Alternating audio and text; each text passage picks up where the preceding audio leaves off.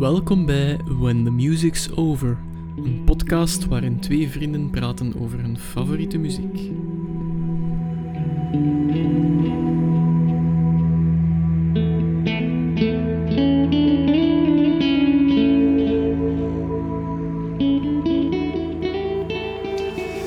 Goedenavond en welkom bij aflevering 304. Ah nee, 3.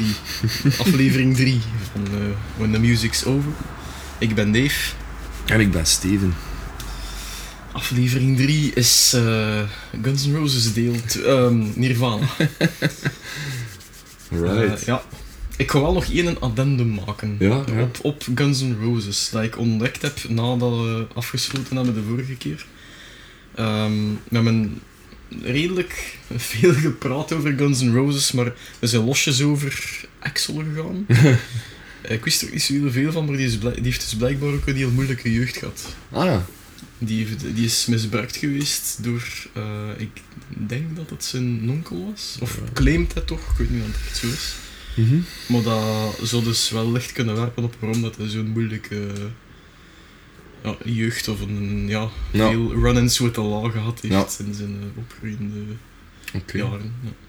Ja, ik vond dat dat wel een, een leuke annex was. Ja? achter. En eigenlijk wel al eh, een goede deursteek naar eh, de volgende band Ja. ook weer al. ja, want er is een gelijkaardig patroon dat terugkomt in de, bij Nir- de groep Nirvana en bij Kurt Cobain. Maar- Maar, hoewel dat Kurt niet echt misbruikt is. Nee, nee, dat niet, dat Dus niet, dat dat niet, maar ook wel een moeilijke jeugd gehad. Ja, die is misbruikt op het hoogtepunt van zijn ehm, Ja, ook al, ja. succes, denk ik. Ehm, gaan ze misschien te ver vooruit ontlopen. Waar heb jij de eerste keer Nirvana gehoord? Alright. Ehm, ik denk dat dat was als ik 14 jaar was, in de zomer. En dan maakte ik nog zelf mixtapes. ehm, door naar Studio Brussel te luisteren. Dat toen nog rock, rock speelde. Echt? Ik, ik had al zoveel mensen en wilde er kloten trappen. Hè. Maar echt, ja. Ehm, ja, nee, dat was echt zo nog de, de, de... Gelijk dat ze dat zeggen, de Studio Brussel van vroeger. Ja, ja. Met de oude stickers nog en dat oude logo. Hè. Maar dus, eh, ja, dat was dan ook de afrekening en ehm, de manier toch om, om nieuwe dingen te ontdekken. En ehm, op een van die mixtapes stond Come As You Are. En ik was er toen nog niet bewust van dat dat Nirvana was. Dat was gewoon klaarzitten met een eh cassettendak op record drukken van oh, deze is een tof nummer, klik. En je begon dat op te pakken. En achteraf bleek dat dan Nirvana te zijn, Come Ja. Dus dat was ik een jaar of 14. Ehm, maar de eerste keer dat ik er echt bewust naar ben beginnen luisteren, was ook eigenlijk dezelfde zomer dan, als ik met de 14-jarige wegging. En heel vreemd, ehm, een van de, de maten waar dat ik mee, eh, mee op de trein zat toen richting Zwitserland, eh, die had toen al een Discman. En die had eh, de unplugged van Nirvana, Ja. Unplugged in New York mee. Ja. En die zei van, wow, weet je, als je wat wilt luisteren onderweg, doe maar. En mm, daar heb ik dus echt bewust niet eens een keer Nirvana erin eh, gestoken in die Discman. En wat een teleurstelling was dat, want ik had zo het beeld van Nirvana, een mega harde De rockers, band, ja. was dat een fucking akoestische cd. Even rechtzetten, achteraf gezien, beste akoestisch album dat ik ooit gehoord heb. Maar ehm, ja, heel vreemd eigenlijk, dat dat mijn eerste ervaring met Nirvana Ja, was. ja. En dan had ik ook weer al een zwak voor Are, ook de akoestische versie. Dus ik denk dat dat zo wat het, het, het begin gaat geweest zijn. Is trouwens ook het eerste nummer dat ik in een, een, eigen coverband dan met twee vrienden eh, heb gespeeld. En de eerste keer dat ik ervoor dan wat aan het is om samen een nummer te spelen en dat de schoonlijkjes in mijn akkoord Oké. klikt als band Ja. zijnde, dat was Come As You Are. Ja, ja, ja. Dus, eh, Een belangrijk Ja, nummer dan toch, een belangrijke voetnoot in die, in die Zeker wel. Ja. ja oké. Ehm, bij mij was dat ook een mixtape. Mhm. Ehm, waar dat... ehm, ik weet niet meer van wie dat was, maar ik denk Philippe. Ah, ja.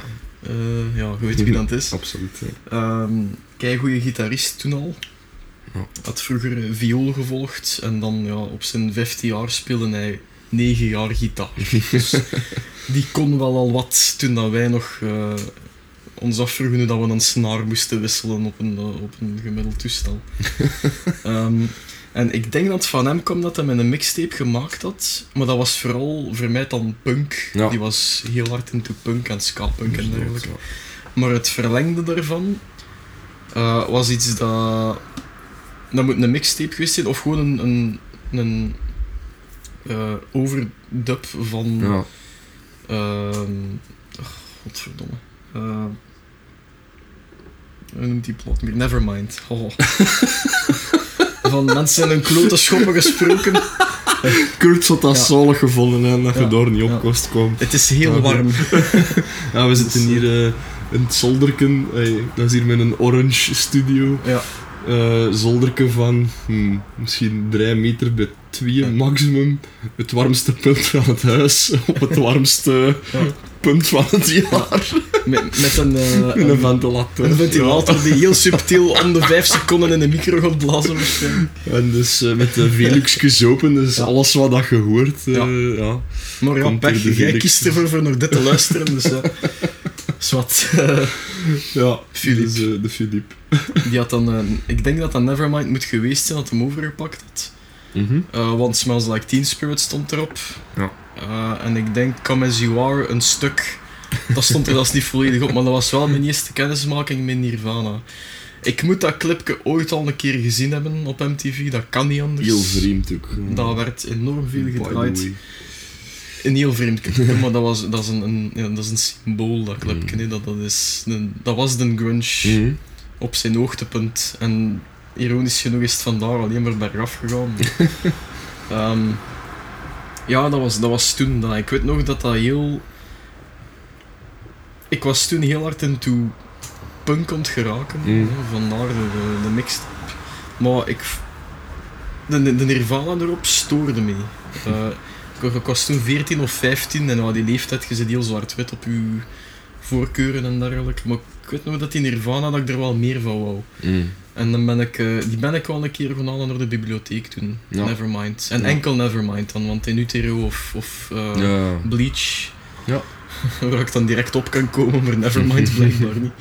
Eh, die heb ik maar later gehoord. Ja. Alright. Ja. En ehm wat, wat, wat, wat was de insteek dan van Nirvana? Wat sprak er ooit aan, Nirvana? Ik denk hetzelfde als bij de meeste mensen die voor de eerste keer Smells Like Teen Spirit horen als ze 15, 16 jaar zijn. Je zit al in een mindset dat Hmm. alles wat je in je schoot geroepen krijgt in vraag gaat stellen. En dat nummer is er een soundtrack voor. dat, dat zegt nee tegen alles Hmm. gewoon. Dat, dat, was het gevoel dat ik ervan kreeg. Mhm. En dat was wel iets dat ik met twee handen eh, vastpakte toen. Mhm. Ehm, ja, als je kijkt naar wat het nummer gedaan heeft, is in een tijdsgeest eh, een beetje hetzelfde wat dat de Doors gedaan hebben in de jaren 60 Mhm. tegen hun tijdsgeest. Gewoon ook die, dat, die boodschap van nee, Ja, wij zien het anders. ja, ja. Eh, ja. ik denk dat dat was. Wat was dat? Het, het rebelse bij jou vooral zo. Ja. Bij mij was dat vooral, want ik zat toen eigenlijk nog volop in Guns N' Roses, want het is een echt schoonlijk de chronologie Ja. Maar ehm, het moest harder bij mij. Guns N' Roses dekte de lading niet meer. Ik Ja. wou harder. En we zijn ook al een jaar verder, dus 14 jaar, Ja. gelijk dat je zei, Ja. 14, 15 jaar. Ehm, Je begint die kriebels wat te krijgen, Ja. iets steviger. hè. en ja, ik weet nog, eh, mijn schoonbroer, dat is de eerste persoon die dan een volledige mixtape heeft gemaakt. Maar eigenlijk bestond dat gewoon uit eh, Nevermind dat hij had overgepakt en op de andere kant stond In Utero. Ja, Dus ik had direct wel even wat materiaal om naar te luisteren. ja, ja. ja. En eh, ja, dat was het wel op die moment. Dus ehm, dat, dat was dan hard genoeg. ja, ja, ik herinner me zo nog dat ik eh, territorial pissings vol een bak aan was. En eh, dat ik gewoon op mijn slapkamer, op mijn rug, eh, op de grond luchtgitaar stond. Dus eh Ja. hij lag te spelen met mijn benen in de lucht. Dat mijn pa binnenkwam, de deur openstak en gewoon terug buiten ging met zo de woorden van alstublieft. maar dat had ik dus Ja. nodig op die moment. Ja. Ah, wel, ik heb er... Ik heb ook nog nooit tegen iemand verteld, want dat is vreselijk beschamend. Maar ik heb een gelijkaardige anekdote. En ook met territorial pissings. Echt waar. Dat Ik, heb, erom gewoon aan hem. ik had vroeger de gewoonte om met mijn eh, Walkman toen nog, want het was allemaal op cassette doen Ja. toen. Ehm, in mijn bed, s'avonds, eh toen ik ging slapen, nog een half uur, een uur naar ja, een zaalshow van Urbanus of iets van muziek te luisteren. En dat was dus ook op een bepaald moment die cassette van Nevermind dat ik dan had overgenomen van de Biep, denk ik dat het was.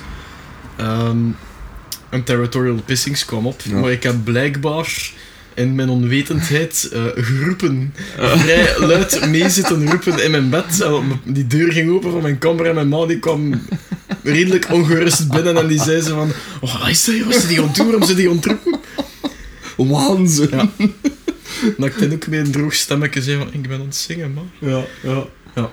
Dus dat was ook... eh, bij deze weet iedereen dat. hè. Ja, voilà, kijk. Ja, maar dat, dat is... En het, het fijne, hey, ook nou nog altijd aan Nirvana, vind ik... ehm, die muziek gaat er eigenlijk heel gemakkelijk in. Er Ja. moet eigenlijk niet te eigen over naarpijzen, hoewel dat er heel veel in zit. Ehm, ook heel veel schoonheid, dat ik Ja. recent ontdekt. Ja, absoluut. Ehm, absoluut. Maar ja, als je het puur voor de riffs en lawaai doet, ja, dan is dat fun. Hè. Allee, ja. Zeker, zeker Nevermind. Op zich is, ook al is het het meest commerciële werk, het Mhm. is eh, heel toegankelijk, vind ik. En Ja. het is, het is een, eh, wel een, een ja, het is, het is een meesterwerk gewoon. In zijn genre absoluut. is dat echt de meest gepolijste cd ervan. Ik denk beter als dat gaat nooit niet kunnen klinken voor een band als Nirvana. Die hebben dat misschien ook niet nodig, maar het is wel iets tof van dat gehoord hebben, van dat dat zo kan. Wel? Ehm, Om erop in te pikken, eh, en dat is een ontwikkeling van, oh, niet, niet de laatste jaren, pak de laatste tien jaar, is dat gegroeid en nu is dat wel vast. Ik vind in Utero de betere CD. Ja. wie dan? Ja, dat deel ik, dat, die mening, Ja. volledig.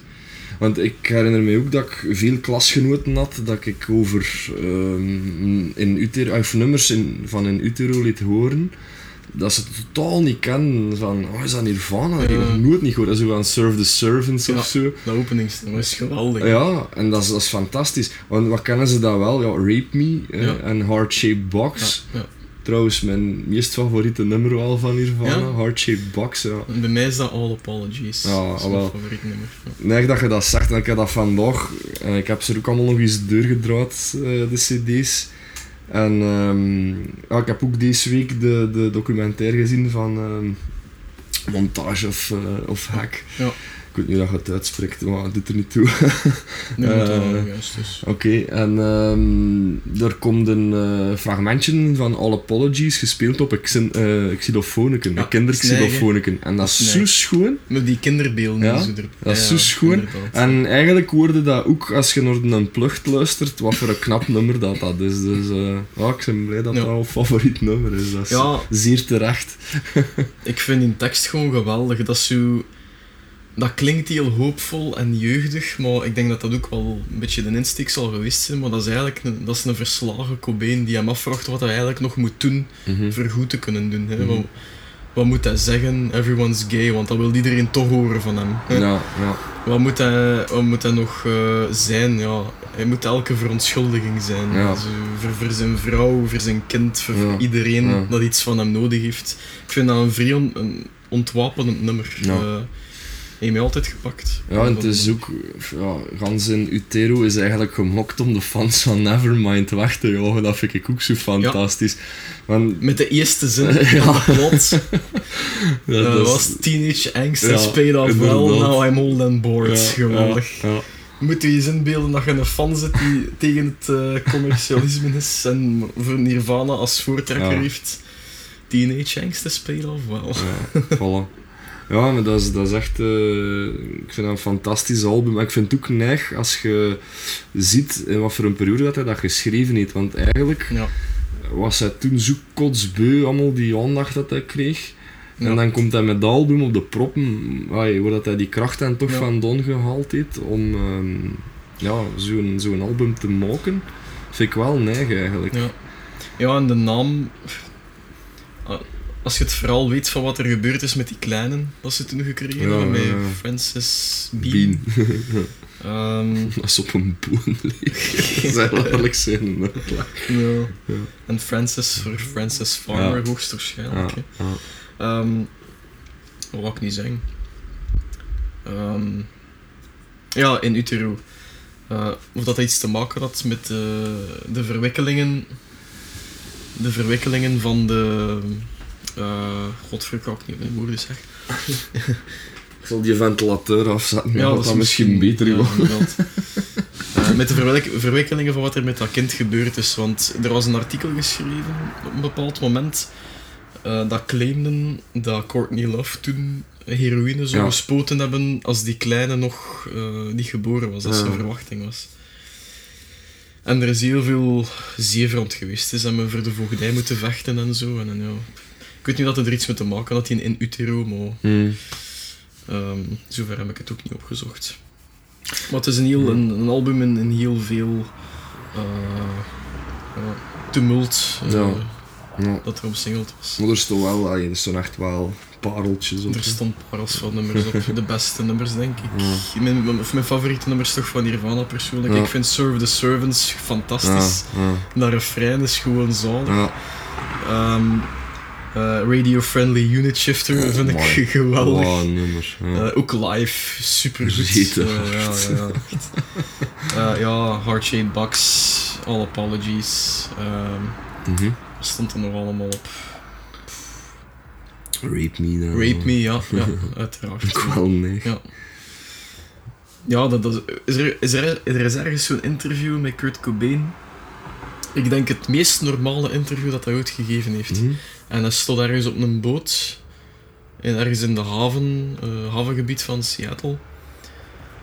En hij doet normaal. Je merkt dat hem nuchter is, je merkt dat hem Ja. niet high is. Hij heeft al even, in dat interview zegt hem al even geen interviews niet meer gegeven. En hij zegt ontbabbelen met die interview. Het is eigenlijk echt een interview, het is een babbel. Ja. En dat maakt dat goed. Eh, en dan zegt hem ook van, ze vragen ze hem van, wat wilde jij nog doen met je nummers? Mm. Voor ja, vechten tegen seksisme en alle vormen van, ja, Ja, hetgeen ja dat fascisme zo val. Ja. En dan vragen ze hem van, ja, hoe wil je dat bereiken? Ga er obvious nummers te schrijven, zoals Rape Me. Ja, Want dat, is, dat, ja, dat, is, dat is een beetje ook een aanklacht tegen. ja. eh, hetzelfde met Polly. eh, Ja. Tegen dat eh, seksisme tegen vrouwen, ja, verkrachting. Ja, daar is ik ook neig van verschoten dat, dat, dat hij er zo mee bezig is. Ook, Ja, ja. Voorvechter van. eh, zeker anno jaren 90 in de States, spijs niet dat er al veel. allee, hashtag MeToo's Nee. worden. Sowieso niet. Ik moet nu wel zeggen, ik denk dat Courtney Love ook iets mee te maken Ja, want dat is nu ook wel een, een Zeker wel. toen een voorgevochten figuur Ja. voor vrouwen. Vrijgevochten figuur voor vrouwen, excuseer. ehm, maar ja, op zich wel, wel cool eigenlijk. Dat hij dan, als je de documentaire ziet, waren het niet echt rolmodellen, maar nee, nee, nee, nee. ja, die, zijn- die zijn een beetje in de verkeerde eh, Dat is een- omgeving terechtgekomen. denk ik. Ja, ik vind dat, op een gegeven moment vind ik dat heel triestig eigenlijk. Ehm, Ja. Maar ja, het zij zo, ja. Het is, eh, het is gebeurd en eh, ik, ik gewoon ook, allee, wat, wat ik ook neig vind is hoe dat hij, ey, hoe dat ze hem zo ver drijven ook uiteindelijk. Vooral dan de media, die blijven gewoon kankeren Ja. op hem en op, ey, vooral op Courtney Love dan. Ehm, dat hij gewoon echt een telefoon oppakt en zegt van ik maak er kapot hè, van eh ga maar al even in een hoekje kruipen want ik kom er aan en die mens die was echt die, die zei dat ook van Gulder weet niet wat dat je veroorzaakt hebt en berokkend hebt en ik denk ergens het resultaat hoe dat hij geëindigd is heeft er volgens mij ook wel ey, dat is er toch een beetje het resultaat ook van, ik, van Ja. gans die moeilijke periode en zo. Allee, ja, dat, dat kruipt niet in ook oude kleren, hè. Eh, Nee. Echt. Ja. Ja, en Montage of Hack. eh, ik weet dat dat ge- geproduced is door Courtney Love en de familie van Ah. Cobain. Ja. Dus ze kunnen erin steken wat ze willen, maar ze hebben een, een vrij... Het is voor Courtney Love ook geen mooi beeld. dus op, op dat nee, vlak zeker niet. vind ik dat wel eh, chapeau dat ze dat zo gedaan Heel hebben. schrijnend op een bepaald Ja. moment. Ja. En terzelfde tijd zie je ook wel dat ze die kleine graag zien. Ja. Hem ook, hè. ja. Ja, want ik Ehm, vind zo, like, eh, Kurt, ja, of- ik vind het soms heel moeilijk om te zien van is hem nou stoned of niet. Want die, die is gewoon grappig en zot. En door, ondanks het feit van, van de moeilijke jeugd dat hij gehad heeft en, en zo, eh, hij heeft hij best wel een heel goed gevoel voor humor ook. Hè. Ja, Dat is, eh, Ja, natuurlijk. Die eerste plaat met, Ja. nummers gelijk Mr. Mustache ja, en ja. wat is er de... ehm, oh, Floyd the Barber? Ja, ja, Floyd the Barber inderdaad. Eh, ja, dat zijn relatief humoristische teksten. Hè. Dat, Ja. zijn, dat zijn de teksten dat je schrijft als je 18 jaar zit, dat je Ja. ze fun maken met je man en je wilt toch een stevig Ja. nummer brengen. Wat die eerste plaat een voeten uit is. Hè. Dat is gemaakt op een zolder, tussen vrienden, met vrienden. ja. Eh, Ja, en dat, is ook, dat vind ik ook heel cool dat, ehm, dat ze het echt voor de muziek doen. En, en ja, die moeder ziet dat ook, hè. de moeder van Kurt Cobain in die, in die documentaire van hij was er niet klaar voor, voor zo'n plot like eh, Nevermind. Ehm, en dat is dan ja, deels de last geweest dat hij niet kon dragen. Ehm, maar langs de andere kant, hij wil er dan terug ook nog, nog terugkeren van eh, ja, wij willen terug muziek maken omdat we dat graag doen.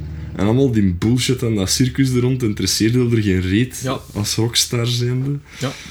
En eigenlijk aan die dat alle drie, hè, die, die jongen Dave Grohl dan in der tijd en eh, eh, de bassist ook. Die, allee, ik vind dat, dat die altijd heel integer gebleven zijn om muziek. En laat dan al net hetgene zijn dat ik ook altijd zoek in, in, Ja. in bands en muziek en muzikanten. Ja. En dus ik- eh, ja. ik denk op dat vlak verdient Kurt eh, zeker een standbeeld voor eh, de moeite dat hij door voor... ey, Ja. Spijtig genoeg is dat, hij dat met zijn leven... be- je moet hem bekopen misschien Ja. aan de kant. Ja, er zullen nog wel andere factoren geweest zijn.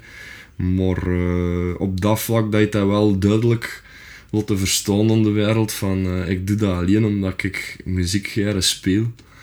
En eh, niet voor eh, gans dat ja, heroïsche ehm, ja, eh, koninkrijk op te bouwen als rockstar zijn. En dat interesseerde hem geen reet eigenlijk. Hè. Nee, als, ik inderdaad. bedoel, als je trouwt is in een pyjama.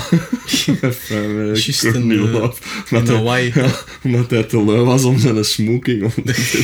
Fantastisch. Echt, ja. Ja, hij genoot wel van, van de perks dat hem kreeg als rockster. hè. Dat Ja. wel, dat, dat, hij kwam er mee weg als hij het wou. Ja. Maar ja, dat, dat is ook om een, een beetje een vluchtgedrag, denk ik, voor Ja. De, minder, de minder rooskleurige kant van de. En dat dat een industrie nog altijd was en is. Ja. ja, want hij zit dan ook eigenlijk in een periode dat MTV enorm opkomt. Ja, of, of wai, toch al, toch al eh, eh, moet ik zeggen, hot is. Hè. Allee, op dat moment is dat, draait dat op volle toeren. Hè. Ik bedoel, langs de andere kant, niemand, of er zou nooit zoveel volk misschien geweest zijn dan Nirvana had leren kennen. Eh, moest dat niet zo allee, opgepikt zijn door Ja. MTV. En, en ik denk dat ze toen bij Gaffen waren ook al. eh, Dat kan, eh, ik weet dat ik nog niet. Dat weet ik niet. Ehm, ja, goed, er zijn altijd twee kanten aan. Ehm, maar toch, allee, ik vind dat chapeau dat hij dat blijft verdedigen. Zo van, eh wij maken muziek om muziek te maken. En dat kan niet van iedereen gezeten worden. Ik bedoel, nog om even het voorbeeld van Coldplay erbij halen. eerste album vind ik zo fantastisch goed. En eh, dan merkte zo de albums daarna, ja, die proberen dat wel, maar dat in een andere insteek. Waarom? Studiowerk. Ja, omdat ze albums moeten afleveren. Ja. En dat is niet bij Nirvana. Kurt Cobain heeft gewoon ook een half jaar niks gedaan of zo. Eh, als het niet langer is, om dan terug te gaan naar wat dat hij oorspronkelijk deed. En dat is muziek schrijven. En er is een plaat Eh, uitgekomen. Ah ja, en een waffer in, hè. Dus, waar dat ik is- me vooraf zet. Ja, ja. Ja, dat is waar. Ik denk dat het kernwoord ook weer al is, net zoals dat er bij Queen en enigszins Guns was, Mhm. integriteit. Ja. hè. zeker weten. Dat is hetgeen waar dat ik, eh, hetzelfde als jij, ook altijd naar teruggrijp als ik Mhm. iets hoor en hetgeen dat bij mij blijft hangen. Ja. Dat is ook de reden geweest, denk ik, onbewust, dat ik de plaat gaan zoeken ben. I- langs de ene kant de naam, want iedereen kende Nirvana wel. Mhm. Ehm, en aan de andere kant, ja, dat er toch iets in zat dat meer was dan de gemiddelde Eh, het gemiddelde nummer dat Ja. ik toen kende. Ja. Ook wel misschien leuk om te vermelden. In het vierde leerjaar eh, was in 1994 een belangrijk jaar voor Nirvana. Ehm, was er een jongen bij ons op school en die had altijd een t-shirt of een trui of een hoodie van Ja. Nirvana aan in 1994. Ja. Eh, ik wist toen nog niet wie of wat dat Nirvana was. Ontstaan eh, twee jaar later. Hij wist het al in het vierde leerjaar. En rond april zei hij dat tegen Hmm. ons van... Ja, die is dood weer. Nou, Kurt Cobain is dood. negen jaar. Ja. En ik weet nog goed dat hem toen zei, die kerel van, die is vermoord. Ja. Ja. Als 8 à 9-jarig manneke vind ik dat wel straf. Kan tellen, ja. Ja. Ja, dat is ook wel zoiets, hè. Ook conspiracy theories eh, rond zijn dood. Eh, als je dan leest ja, wat hij gepakt heeft, dat is er niet neffen. Ja, het, was, Nee. het was een cocktail van heroïne en valium. En daar gaat de vraag van, hoe zit het dan nog in staat om de trekker over te Dat is een open vraag, want de medische eh, papers dat erover geschreven zijn, ontkennen het dat hij dat zelf zou kunnen hebben. Ja. Dat hij niet meer in staat zou geweest zijn van dat geweer op te heffen, Ja. staan een trekker over te halen Ja. of hem nog op een deftige manier neerleggen. Ja. Ehm, En Ja. ook zo een paar dingen dat ik ook gelezen had, is dat ze geen sleutel hebben gevonden. Eh, dus hij is gevonden in de greenhouse. Hoe dat hij er binnen Ja, hoe dat hij er is, binnen ja. is geraakt. En dan wat ik heel frappant vond, ehm, een, een bendeleider die beweert 50.000 dollar van Courtney Love gekregen te hebben om een huurmoord eh, op poten te zetten. Persoonlijk denk ik dat het dat was. Ik weet niet of dat het door Courtney Love was. Ik ken die mensen niet, ik kon me er niet over uitspreken. Mm. Maar er zijn te veel slordigheden Mhm. omtrent ze- de crime scene waar dat hij gevonden is in die, in die ja, wat is dat, een serre? Ja, zijn eh, tuin, ja. Ja. ja, een schone studio eigenlijk. eh. Er zijn iets te veel toevalligheden en on onregelmatigheden om het een natuurlijke, oh ja, een, een suicide te laten Mm. zijn. Er is ook de kwestie van het feit dat het wapen heel lang was. Dat was een soort jachtgeweer. Ja, ja, Hij had hem neergelegd op de grond, met de loop naar zijn hoofd gericht en dan zou hem zo de trekker overgehaald hebben. Maar in de tekeningen die achteraf gemaakt zijn, Mhm. ziet je dat een arm duidelijk te kort is voor een trekker te kunnen in die positie. Mhm. Het wapen eh, had een, een, een soort mechanisme waardoor dat de kogelhuls wordt eh, uitgeschoten aan de zijkant, Mhm. op het moment dat het schot gelost wordt. Maar de kogelhuls is gevonden aan de verkeerde kant. Mhm. Eh, het is gevonden aan de tegenovergestelde kant van waar dat het mechanisme zou moeten werken hebben. En het zijn allemaal zo dingen achter elkaar. Dat, ja, ja, Dat, is net, ja, dat is voer voor, voor Ja. eh, theorieën natuurlijk. ik, ik denk persoonlijk ook dat Kurt was niet gelukkig, maar ik, ik zie er geen suicide in. het was een heroïne dat is waar, addict, ja. maar ja. Is eh, inderdaad, eh, ja, zeker niet. Hij zegt dat zelf eigenlijk ook, dat hij niet suicidaal is. Ook wel, Ja. Er zitten er heel donkere kanten aan hem. ja, je hebt dat die nummer. I hate Eh, myself and I want to die. Ja, maar dat, dat, beweert hij dat, dat, sarcasme en zwart, zwart is. Hè, gewoon, eh. En ik geloof dat wel. Ik weet het niet, ja. Ja, zeker wel. Allee, daar komt hij sowieso mee weg. Maar ehm, ik weet het niet wat ik ervan moet denken. Ik, ehm, ja... Sowieso, ik, ik ben... Ik ga niet gemakkelijk mee in, in conspiracy theories. Zo gaat dat ook met... Gaat dat met Jim Morrison, dat hij nou zijn eigen dood Ja. geanceneerd zou zijn. Ehm, Geloof ik ook niet. Allee, ja, kijk.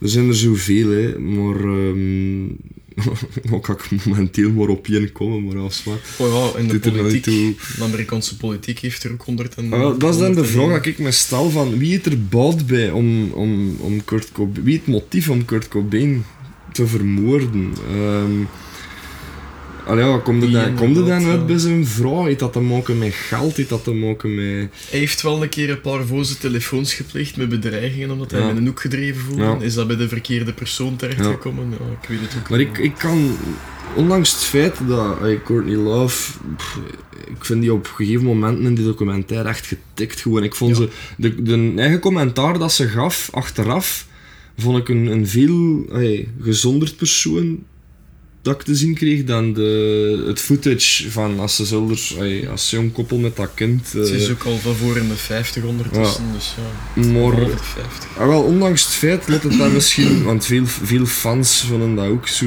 allee, verafschuwen die gewoon zuiver en alleen om het feit dat het zijn vrouw was. Ja, Gewoon jaloezie uiteindelijk. Maar dan heb ik zoiets van, ja, als fan, ja, er moet je niet tussenkomen. Hè. Ik bedoel, dat is, dat is iets tussen twee mensen.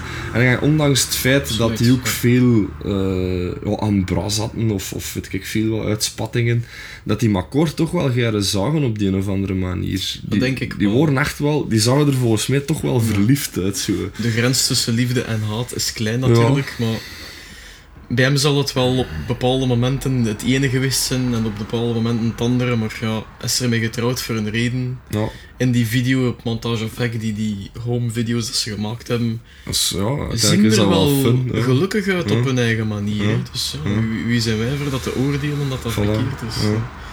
Uiteindelijk is de uitkomst hetzelfde. Hij was gestorven op die moment. Ja, en dat het is, was een en het is spijtig gewoon dat, er, dat die er niet meer is. Ja. Ik, ik ben, mijn plaat als In Utero was ik heel benieuwd geweest naar die volgende plaat. Ja. Want ik denk dat hij nog heel veel andere uiteenlopende, Sowieso. schone nummers had kunnen maken. Je merkt dat er meer, er zit meer rustiek in die CD. Dosis stevigheid ook natuurlijk. Het is Nirvana voor een reden en ze spelen de muziek dat ze spelen voor een reden. Maar er zit meer kunstzinnigheid in die plaat, vind ik, dan in, een, Never, in een Nevermind. Ja.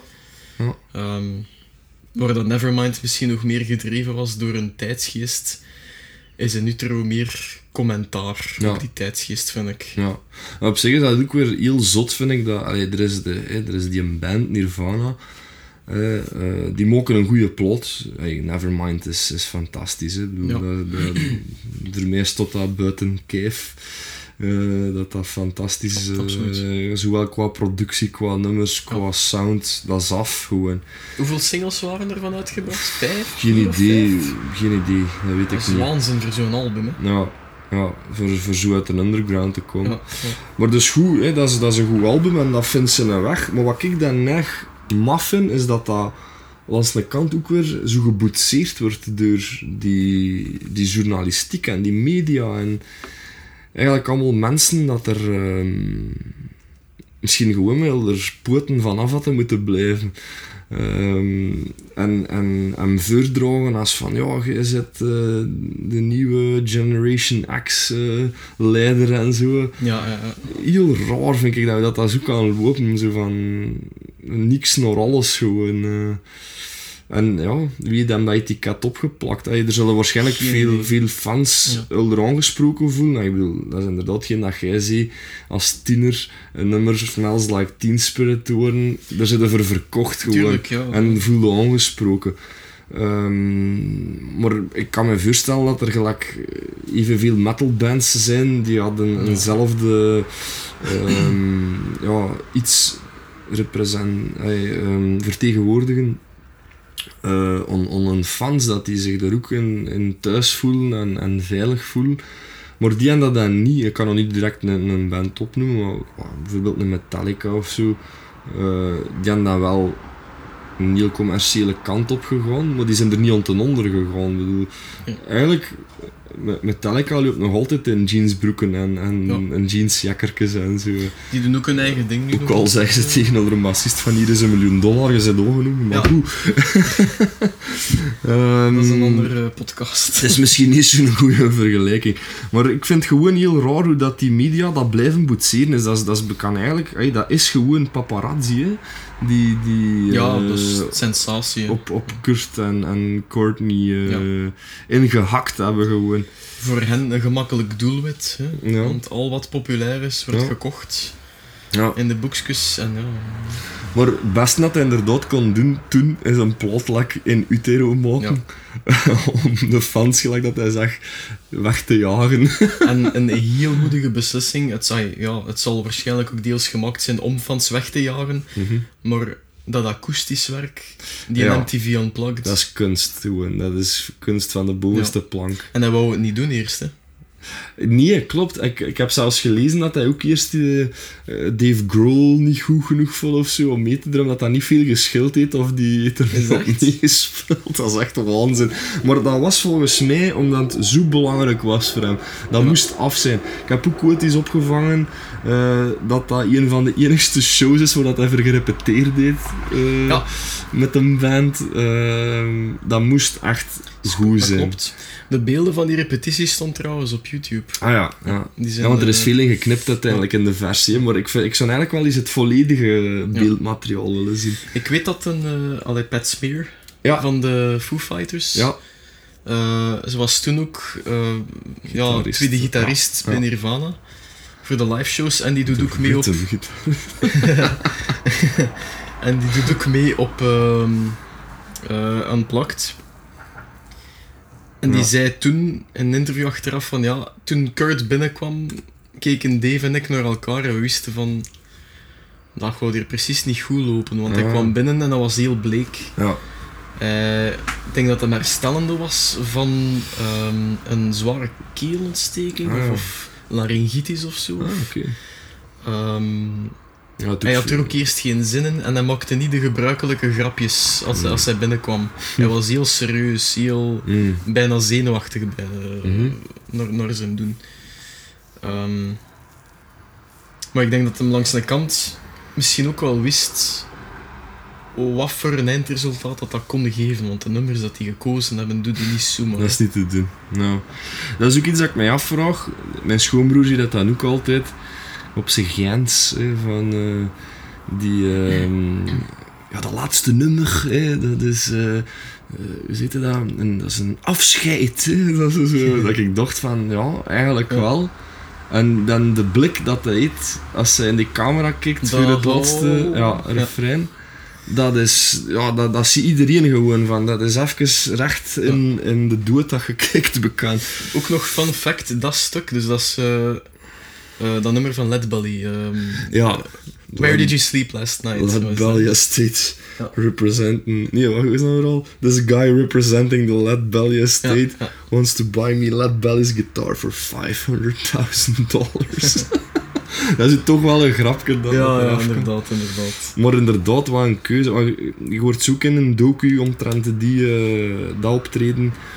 Een, een fan zeggen van ja, Nirvana akoestisch. Ja, dat, moet, dat moest ik gezien hebben gewoon. En dan komt hij eraf met covers van Bowie, de Meat Puppet, zo heel eh sinistere figuren. MTV was er niet blij mee. Nee, nee. En dan, en dan Let Belly, ja. Ja.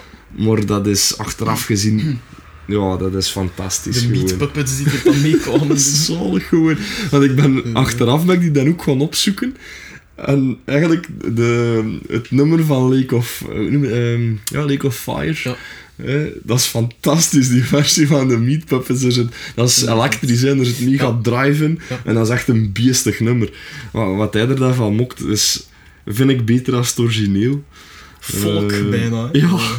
Rare Maar volk. zo goed, zo schoon. Het is heel goed, ja. En trouwens, ehm, alle nummers dus van ehm, de Unplugged, dat zijn alle akkoorden dat ik kan spelen op gitaar. Je had zo'n boek. ik had die boek inderdaad, als we van het college kwamen, hadden ze dat lang straatje met een heel klein muziekwinkeltje op de rechterkant. Het is, het is weg ondertussen. Maar, eh, en daar ja, stonden ook elektrische bassen in de vitrine en akoestische gitaren, elektrische gitaren. En dat weer gerund door zo, ja, een, een vrouw toch al op leeftijd. Ehm denk zo aan een, een vroeger nippie geweest of zo. Ja. Die, die droeg ze dan nog een leren broek en al. Maar die gaf er ook lessen eh, voor orgel en zo en, en piano.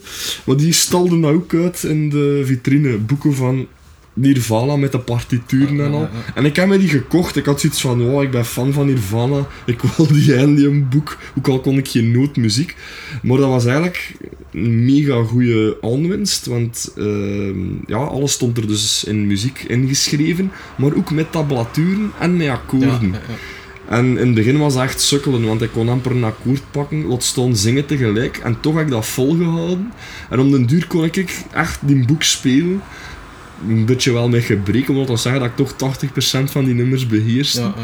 En dus elk akkoord dat ik kan spelen tot op de dag van vandaag komt uit die een boek.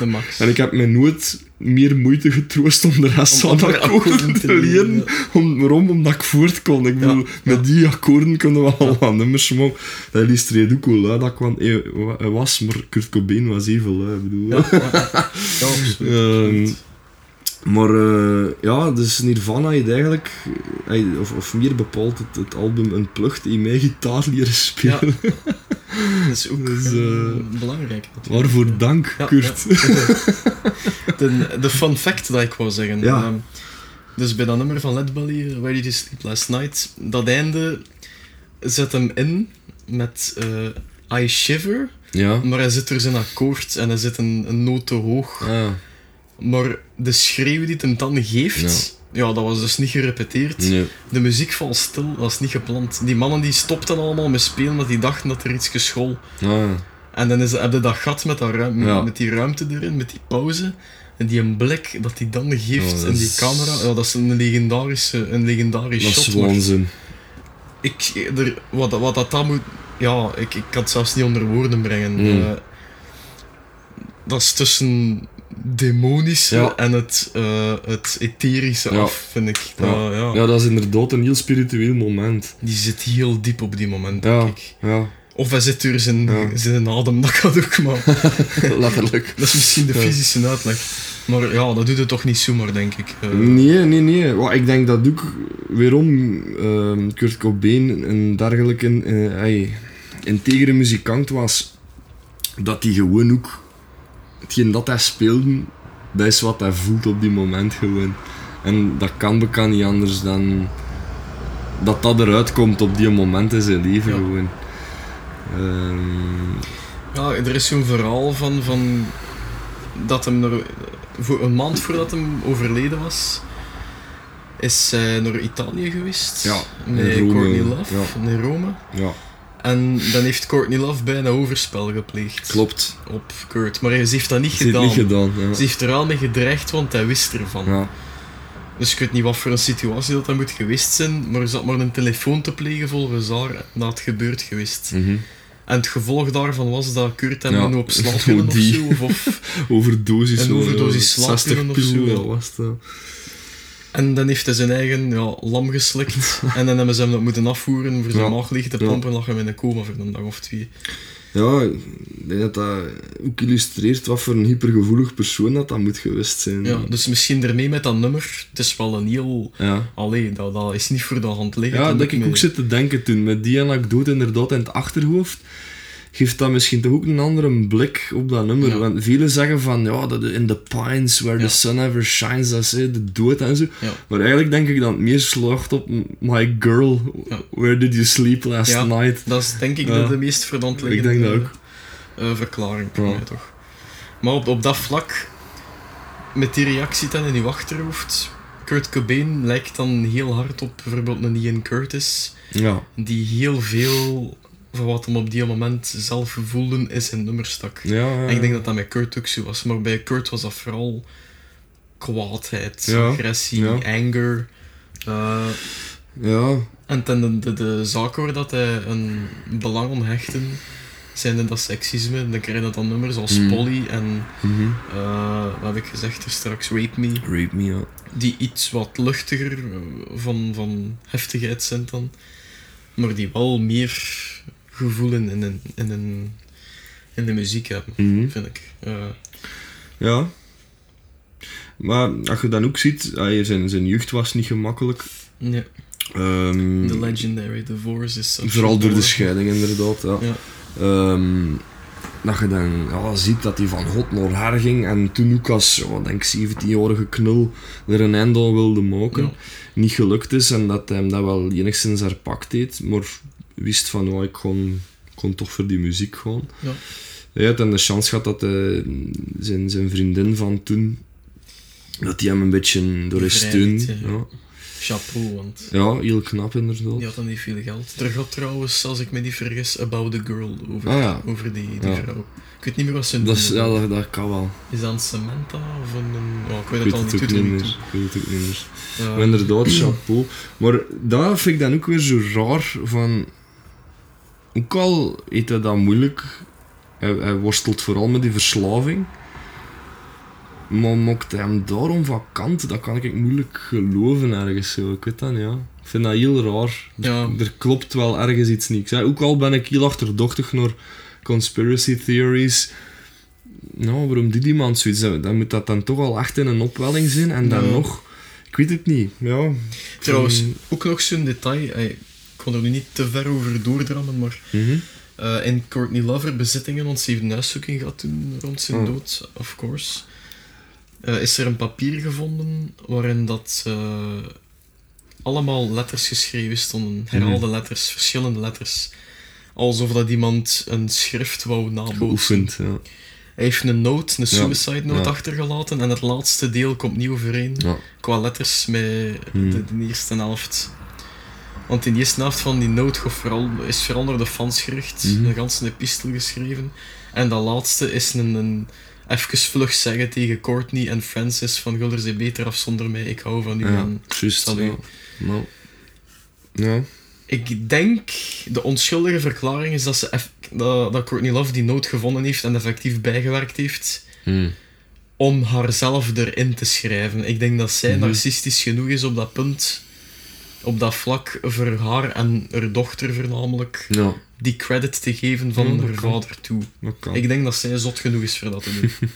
Cru gezegd. Is Ja. dat zo? Ik weet het niet, maar het is wel weer zo één element in de eh, realiteit dat weer op de stapel komt van... van Prettig gestoord genoeg inderdaad voor zoiets te doen, ja. Maar gelijk Dus, eh, de Kennedy assassination gaan we dat nooit weten. En de, de tragedie blijft Ja, wel, steeds het, meer. inderdaad, het resultaat is hetzelfde. hè. Het blijft een, een fucking jammere zaak dat Ja. zo'n muzikant er niet meer is. Ehm, maar ja, kijk, een, een enorme legacy wel hè, op die tijd. Want eigenlijk Nirvana heeft niet heel lang bestaan. Ik denk van 87 uiteindelijk tot 94 ongeveer. Dat is een goede 94, goede april, 7 ja. jaar. April 94. ja. Goeie zeven jaar, met dan nog wat sabbatmonden hier en daar ertussen. Maar ehm, ja, als je, als je ziet wat die nou nog betekenen de dag van vandaag. Want uiteindelijk, ze zijn dan in 94 zijn ze gestorven. Als ik met muziek begon zelf, dat was in 99, dus eigenlijk niet zo zot lang erachter. Maar dat waren wel die eerste nummers dat ik begon te spelen hiervan. Dat was, Ja. ik weet niet hoe dankbaar om op een gitaartje te zitten riffen. Absoluut. ja. Ehm, en dat je eigenlijk ook veel van mijn stijl beïnvloedt, vooral naar strummen toe en zo, en muten. Ja. En hetgeen dat Guy Mortier ook zei, Nirvana, en Kurt Cobain, heeft ons geleerd om terug een versterker op het podium te zetten en die gewoon tot maximum open te draaien. En, en daar uit de, uit de knal gewoon. Ehm, ja, allee, heel dankbaar om als jonge muzikant daar naar te luisteren, Absoluut, na ja. te spelen, er te laten inspireren.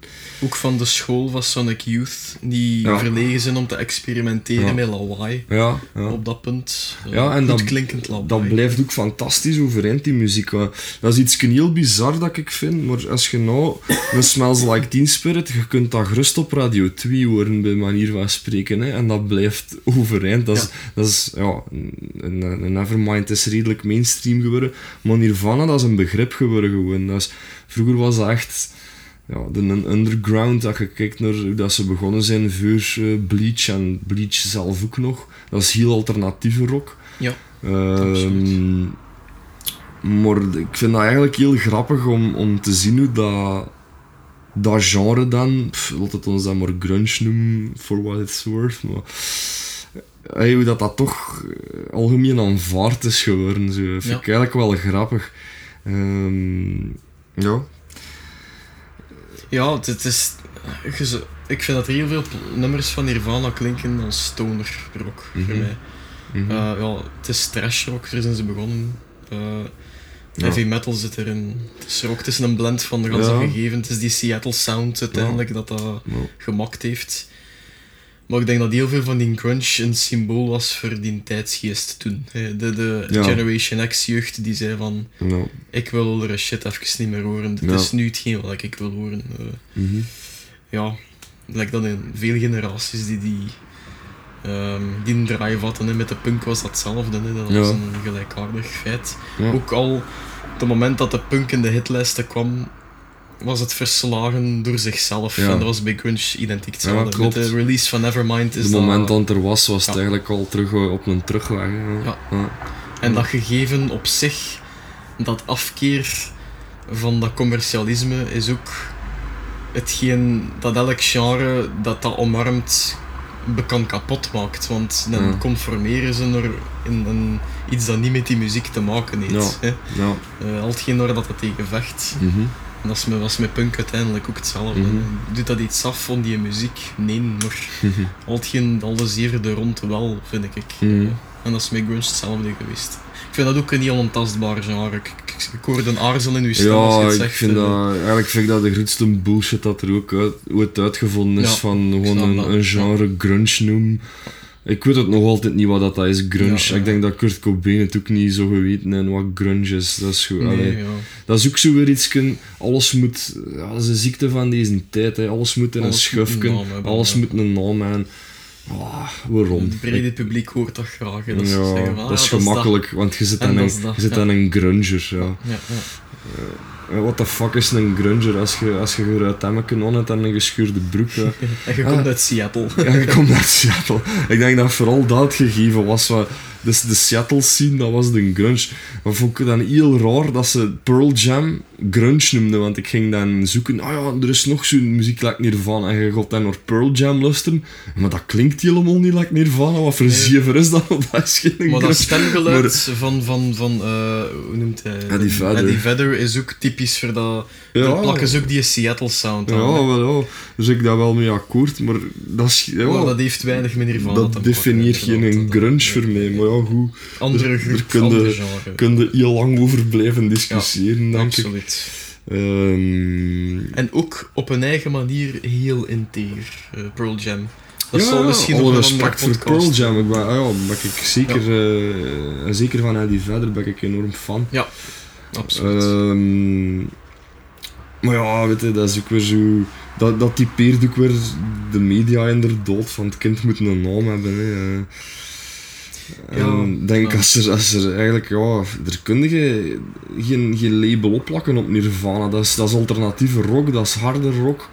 Maar moet dat? Ik, voor, voor mij, hey, dat vind ik juist het cool als je dat hoort on, on Bleach. Hoe vernieuwend dat dat op die Ja, moment is, die sound. Dat is een blend van zijn invloeden, zijnde hey, Sonic Ja. Youth, de Pixies. Eh, er luisterde heel veel naar punkrock ook, dus dat zit er ook wel een beetje in. Ja, Want ik denk Dave Grohl dat dat oorspronkelijk een, een punkrock drummer zelfs was. Ja, ik vond het een beetje ehm, teleurstellend. Ja, sorry, in Montage of Fact ja. ze weinig over Grohl Ja, zeiden. en- dat hij erbij gekomen is. Ineens was die daar. De, dat- blijkbaar komt dat omdat hij op die moment bezig was met een plot van de Foo Fighters vol een bak op te nemen. Dus ze hadden eigenlijk niet veel kans om Grohl erbij te pakken. En ze had dus iets van hem, eh, eh, Cursed Novoselic er al bij, die komt er Ja. helemaal tegen en dat vond hij eigenlijk genoeg. En dat geeft eigenlijk die, vind ik, die documentaire wel een zekere integriteit ook. eh. maar ja, van mij, ik, ik, ik vind Dave Grohl een ongelooflijk sympathieke kerel. Had er van mij ook wel in gemogen. Ehm, Dat is een van de laatste Ja, helden dat is de laatste. in de rock. Denk het ook. Denk dag, het ook, ja. ja. Ehm, Want ik was heel bang met de gans die MeToo bullshit. eh, dat, het, eh, dat hem er ook eh, ergens iets zoals in broek zou hebben, gelijk dat elke sympathieke, populaire mens er wel één kreeg. Ja. Maar ik ben heel blij dat dat tot nog toe niet het geval is geweest. Eh, ja, ik vind Dave Grohl ook fantastisch. Hij is er ook heel open over in interviews over Hoewel Kurt dat hij er razend moeilijk mee heeft. Want het stond Ja.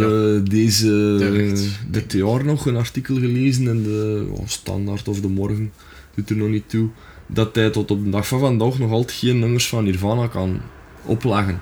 Omdat dat, hij zei ook van, ik was toen 25 jaar, als Kurt eh, ja, uit het leven gestapt is of als hij gestorven is.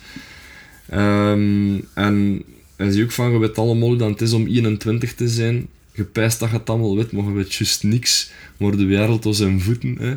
En dan gebeurt zoiets. En hij kon op een gegeven moment zelfs eh, gewoon muziek in het algemeen niet meer af. Omdat hem dat automatisch terugleidde naar hetgeen dat hij het liefste Ja. deed. Maar ook hetgeen dat hem volledig ontnomen is geweest op die moment. En dat associeerde hij gewoon volledig met pijn. Echt een, een, een enorme pijn.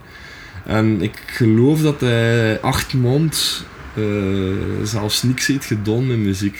Ja. Eh, dat hij volgens mij zelfs ook niet, niet meer van plan was. Maar dan uiteindelijk toch die demo's is beginnen maken. Godzijdank. Ja, godzijdank inderdaad. Ja, voor, voor, voor iedereen was dat Kurt Cobain de legende die weg was, maar voor hem was dat zijn kameraad, zijn Ah, vriend. dat waren moten, ja. Want Ja. eigenlijk die Kirsten Novoselic heeft dat er ook nog fucking moeilijk mee. was zijn beste Eh, vriend. ja, hè. ja. Zonder Kirst had Nirvana er niet geweest. Nee, Gewoon. nee. Eh, Maar Ja. ehm, ja, ik vind dat ook heel cool, want hij speelt eh Bazoek uh, Novoselic op een van de cd's van de Foo Fighters. Ja, ja. Eén nummer Ja. in Sonic Highways of zo, ik weet het al niet meer.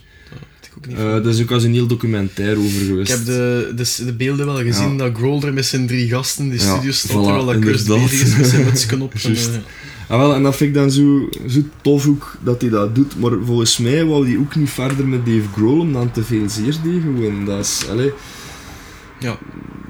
ik snap dat. Ik snap dat als muzikant zijnde ook van... Moest er een van, van de mannen van de band waar dat ik nog in speel er niet meer zijn... Ja, dat heeft verdomme een enorme impact. Hè. Ik bedoel, ik ben recent doorvuur gestopt met, met een band. Dat is een rouwproces. hè, Waar dat gaat. Ook al had ik er toen zelf voor gekozen, maar ik heb ook acht maanden geen, Ja, geen noot ja. gespeeld. Ehm, en dan zat ik hier ook op dit zolderke te kloten met mijn akoestische gitaar om toch nog maar iets te doen. Ja. Ehm, maar dat duurde even, eer dat je terug eh onder de slag kunt. Dat kan ik wel zien. Omdat dat gewoon, dat, ja, dat gaat echt naar ziel gewoon, zoiets. ja, ja. En onderschat echt de kracht van muziek niet. Dat, is, dat gaat door muren, dat gaat door tijd, dat gaat door ruimte. Ehm, ik, snap, ah ja, ik snap Dave Grohl enorm. Ehm, en ik, vind, ik ben ook heel, heel blij dat hij nog altijd muziek maakt. Want wat hij allemaal gedaan heeft, Ja, allee, dat is een held gewoon. Hè. we vernoemen hem nu in context van Nirvana, maar er zijn de, een drietal Ja. podcasts waarin dat hij een centrale figuur nog gaat zijn, hè, denk ik. Ja. We hebben hem al vernoemd in de vorige podcast, denk ik ook van Ja, de, de, de supergroup. Eh, eh, Supergroup, inderdaad. Mijn favoriete drummer sowieso, Dave. Grohl. Ik herinner me ook nog het moment, ik weet niet of, dat, of dat ik nog in herhaling val, als ehm, Queens of the Stone Age op, op Werchter stonden in 2002. Ja, Eh, ik, ik zat thuis, want ik, pff, ik was erbij. ja, je wordt erbij en ineens zoomt je camera in op die drummer en dat is en we Dave wisten Grohl. dan niet dat dat Dave wisten dan niet dat hij erbij speelde en we werden zot. Ja. Dat was gewoon van, oh my god, Dave Grohl die drum terug. Want wij worden inderdaad opgegroeid en verder met Dave Grohl als frontman van de Foo Fighters. De gitarist, een toffe kerel. Maar ineens zit hij er terug als een beest achter die drums. En ik herinner me nog dat die drums versterkt worden met zandzakken. Ja, Omdat hij gewoon on- alles omver speelde Song for the Dead. Ja, Song dat. for the Dead. En- Wat en- een waanzin was dan. ja, die, die vervulden volledig de verwachtingen Ja. van nog maar wat zien. Ja. En we hebben niets gezien. Hè. We worden er niet live bij, maar... Ik weet nog heel goed dat beeld van... Dat nummer dat bouwt op, hè. dat is zo echt Ja. een, een lange intro. Ja, En die drum die valt zo een paar keren in. En op een bepaald moment is er enkel een hi-hat. en die blijft dat doen. En die blijft geven. En dat is zo'n seconde of vijf, ja, zes. het Even rondom Maar hij kijkt zo heel gespannen.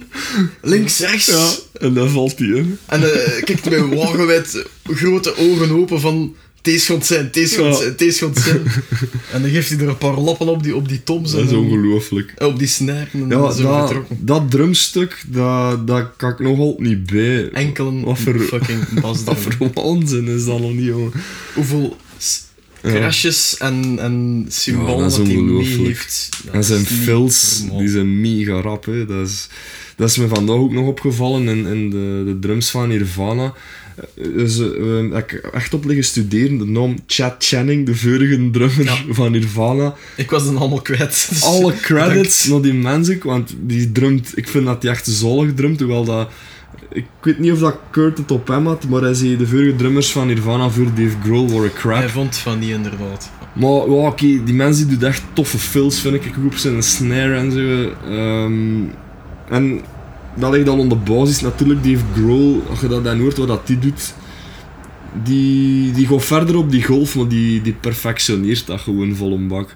Dave Grohl jamt in elk nummer dat hij speelt. Ja. Die, die zit in een studio met zijn kameraden Ja. en die doet zijn ding en die probeert bij te dragen Ja. naar een geheel en die doet gewoon wat cool is. Maar dat is, ja, dat is gewoon, dat is, zeker op drums, dat, dat is een god gewoon. Hè. Dat is echt voor mij, is dat, ik, ik vind dat de, de beste drummer ever gewoon. Ja. Ik kan er, ik, er, voor mij kan er niemand over. Akkoord. Met een close second zal John Densmore moeten zijn van de Doors. Eh, nee, dingen, John Bonham Eh. bedoelde jij van eh Zeppelin, of niet? Of Eh, Densmore, ja, ja, ja. als drummer, ja. Bonham, ja, dat is ook geniaal. Ja. Ook weer die enkele basdrum, terwijl er twee klinken. Ja, ja. Maar eh, nee, Densmore, is denk ik oké, mijn ja, tweede ja, runner-up. Eh, maar Grohl overall is mijn favoriete Ja. sowieso. ja. En gelukkig heeft hij dat dan ook nog eens herhaald met dan Crooked Vultures. Ja, Waarin dat hij helemaal eh, ja. de waanzin benadert gewoon. Bij een deel Led Zeppelin en een deel Queens. Ja. Dat, ja. Ja. Ik ben blij dat die mensen vrienden waren. Ja, ja, Dat is ook ja. een zalige CD. Ja, ja. Ja, kijk, we hebben nu Them, Them Crooked Vultures. Mhm. We hebben Nirvana. We hebben Foo Fighters. We Ja. hebben Killing Joke. Ja, Er heeft ook een, een comeback CD uit 2003. Ook Ah, die ja, dat Killing wist Joke heet. ik Doet denk, ja, wel, ik denk dat inderdaad wel, eh, ja. Allee, er zijn vier Maar podcasts. hij, hij, hij heeft veel uh, ook studiowerk waar dat men geen weet van heeft, want ehm, het, er gaan zelfs geruchten dat hij bij Queens. Ghost eh, zo gedrumd heeft. Is dat? Ja, ja als, Cool, zelfs live, hij live dan, maar vermomd ook, Ja, dat hij achter die drums al zo gezeten Dat is heeft. wel sweet. Dat is toch echt de max, hè. Dat is Eh, cool. Kijk, dat zijn dan met die groep erbij zes groepen. Ja, ja. Eh, alles samen. Ehm, ja, Busy Bee. maar ook gewoon... Dat is zo'n grappige kerel ook. Ook al in die interviews met Nirvana, die strijk gewoon gewoon. Als je eigen dermate... eh, als je met je eigen dermate een draak kunt steken in je clipjes, ja, ja. fantastisch. Dat is zalige humor, hè. Dat Zelfrelativering is, is zo, zoveel ook bij Ja. artiesten. Hè, dat... En, en ook knap dat hij, ondanks het feit dat hij dat meegemaakt heeft met Nirvana, wat een tragedie, dat hij dat doet nog. Dat hij die humor behouden heeft. Ja. Vind ik neig. Maar je merkt dan ook dat hij een heel serieuze kant deed. Gelijk op de begrafenis van ehm, Lemmy. Lemmy, ja. van Motorhead. Dan stond ik echt met de troon in mijn ogen als ik dat, want dat was integraal op YouTube. Ehm, en dan doet hij zo het verhaal. Ehm, ja, dat is iets met, ik geloof met Little, Little Richard of zo, dat hij een briefje had voor Lemmy en hij hield dat aan boven tijdens die speech. En heel die zaal van, oh my god. En, Ja, inderdaad. Ja. maar gewoon ook hoe dat hij spreekt over, over Lemmy, als ze zijnde van... Als zij nog bij Nirvana speelden, heeft hij Lemmy benaderd van... Ja, jij bent een van mijn grootste idolen en eh, mag ik een handtekening van... Echt zo als heel bedeesd manneken. En dat Lemmy zei van... Oh ja, you're uh, the drummer from Nirvana. I like what you do. Zo. Ja. Eh, niet met die woorden, maar... eh, dat hij toch... Dat, dat klikte direct, want dat waren echt noten om de Ja. duur. Hey, dat was een goede kennis. Ik vond dat ook neig dat achteraf is hem ook nog een keer naar Lemmy geweest. Dat hij er stond te pinballen op die, in een café. ja, dat ja, altijd inderdaad. Ja. En hij ging er naartoe. En hij zei eens niet veel. Omdat hij bezig was met die pinbal. En Lemmy was, ja... Ik ben bezig, laat me gerust. maar hij wist dan om een duur dat dat Dave Grohl was die er stond. En hij zei van... Hi Dave, sorry about your friend. Ja, vond ik neig. ja, ja. Echt zo... Wel gemeend jou. Ja, dat, dat- zo, ja. ja, inderdaad. Ik vond dat, dat, dat, dat moet hem gepakt zijn, pijs ik, als ze, als ze dat woorden van... Ja. Ja. Wat moet hem hier zeggen dan dat, ja. Wat, Hoe kun, dat- wat kun je meer zeggen? Hoe is die gegaan? Ja, dat interesseert Nee. Sorry about your friend. Dat is fantastisch. Ja. Maar goed. Maar niet dat, dat vind ik dan... Eigenlijk, dat zou de pers van mij niet keer mogen uitlichten. Zo'n momenten. Want ze vertellen dat dan. Ja. Maar schrijf daar niet keer over en allemaal Ja. klote gazetten en wilde klote bladjes. Maar ze zitten liever dan... Ja, Want het is zo ver gekomen dat als de pers dat zou doen, dan is dat sensatie zoeken. ja, Dan is dat in scène gezet. Dan is dat niet waar. Allee, dat is... Dat is die, die, die, dat is zo... Dat is, zo Dat is een- fucked. een defeatist sector, hè. Dat, ja. Het is een paradox, maar de muziekindustrie heeft de pers nodig voor naambekendheid te krijgen.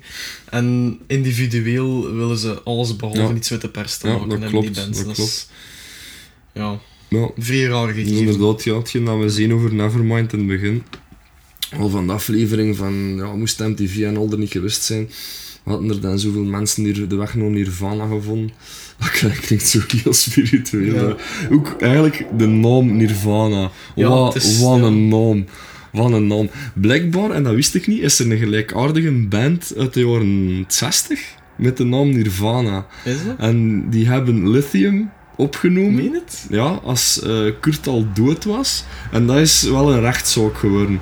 En dan zijn ze beginnen vechten, ja, dus voor de, de naam Nirvana. En blijkbaar, die uitspraak, eh, is dat allebei de bands de naam mogen behouden. Maar eh, dat wist ik dus niet, dat er een, een 60s Jezus. band is met de naam Nirvana. Dat is dus. Ja, ja, ja. Dat wist ik ook niet.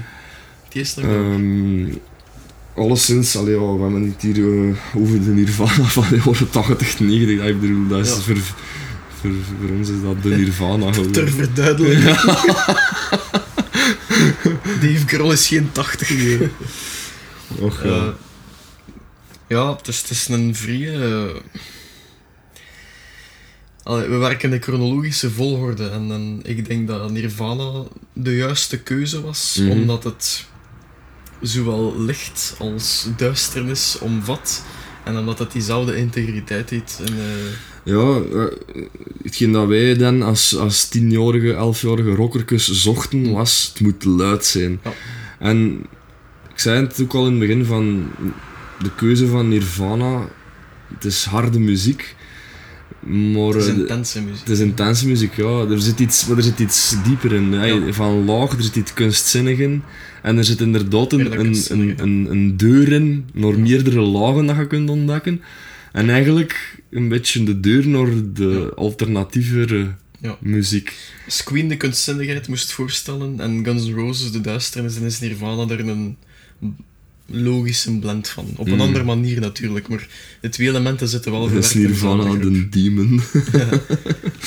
Ja, het is, het is wel lichtjes demonische muziek. Hè. Dus, en dat is eh, ehm, heel graag eh choqueerde me. Kurt heel graag choqueerde met woorden. Hè, dus het coole is ook dat hij veel schrijft over persoonlijke emoties, gelijk vervreemding, Ja. verveling, depressie ook. Ja. Ehm, en ik denk dat dat is ook hetgeen. Misschien een persoon waar dat we heel vreemd, maar ik nou naar Urbanus springen.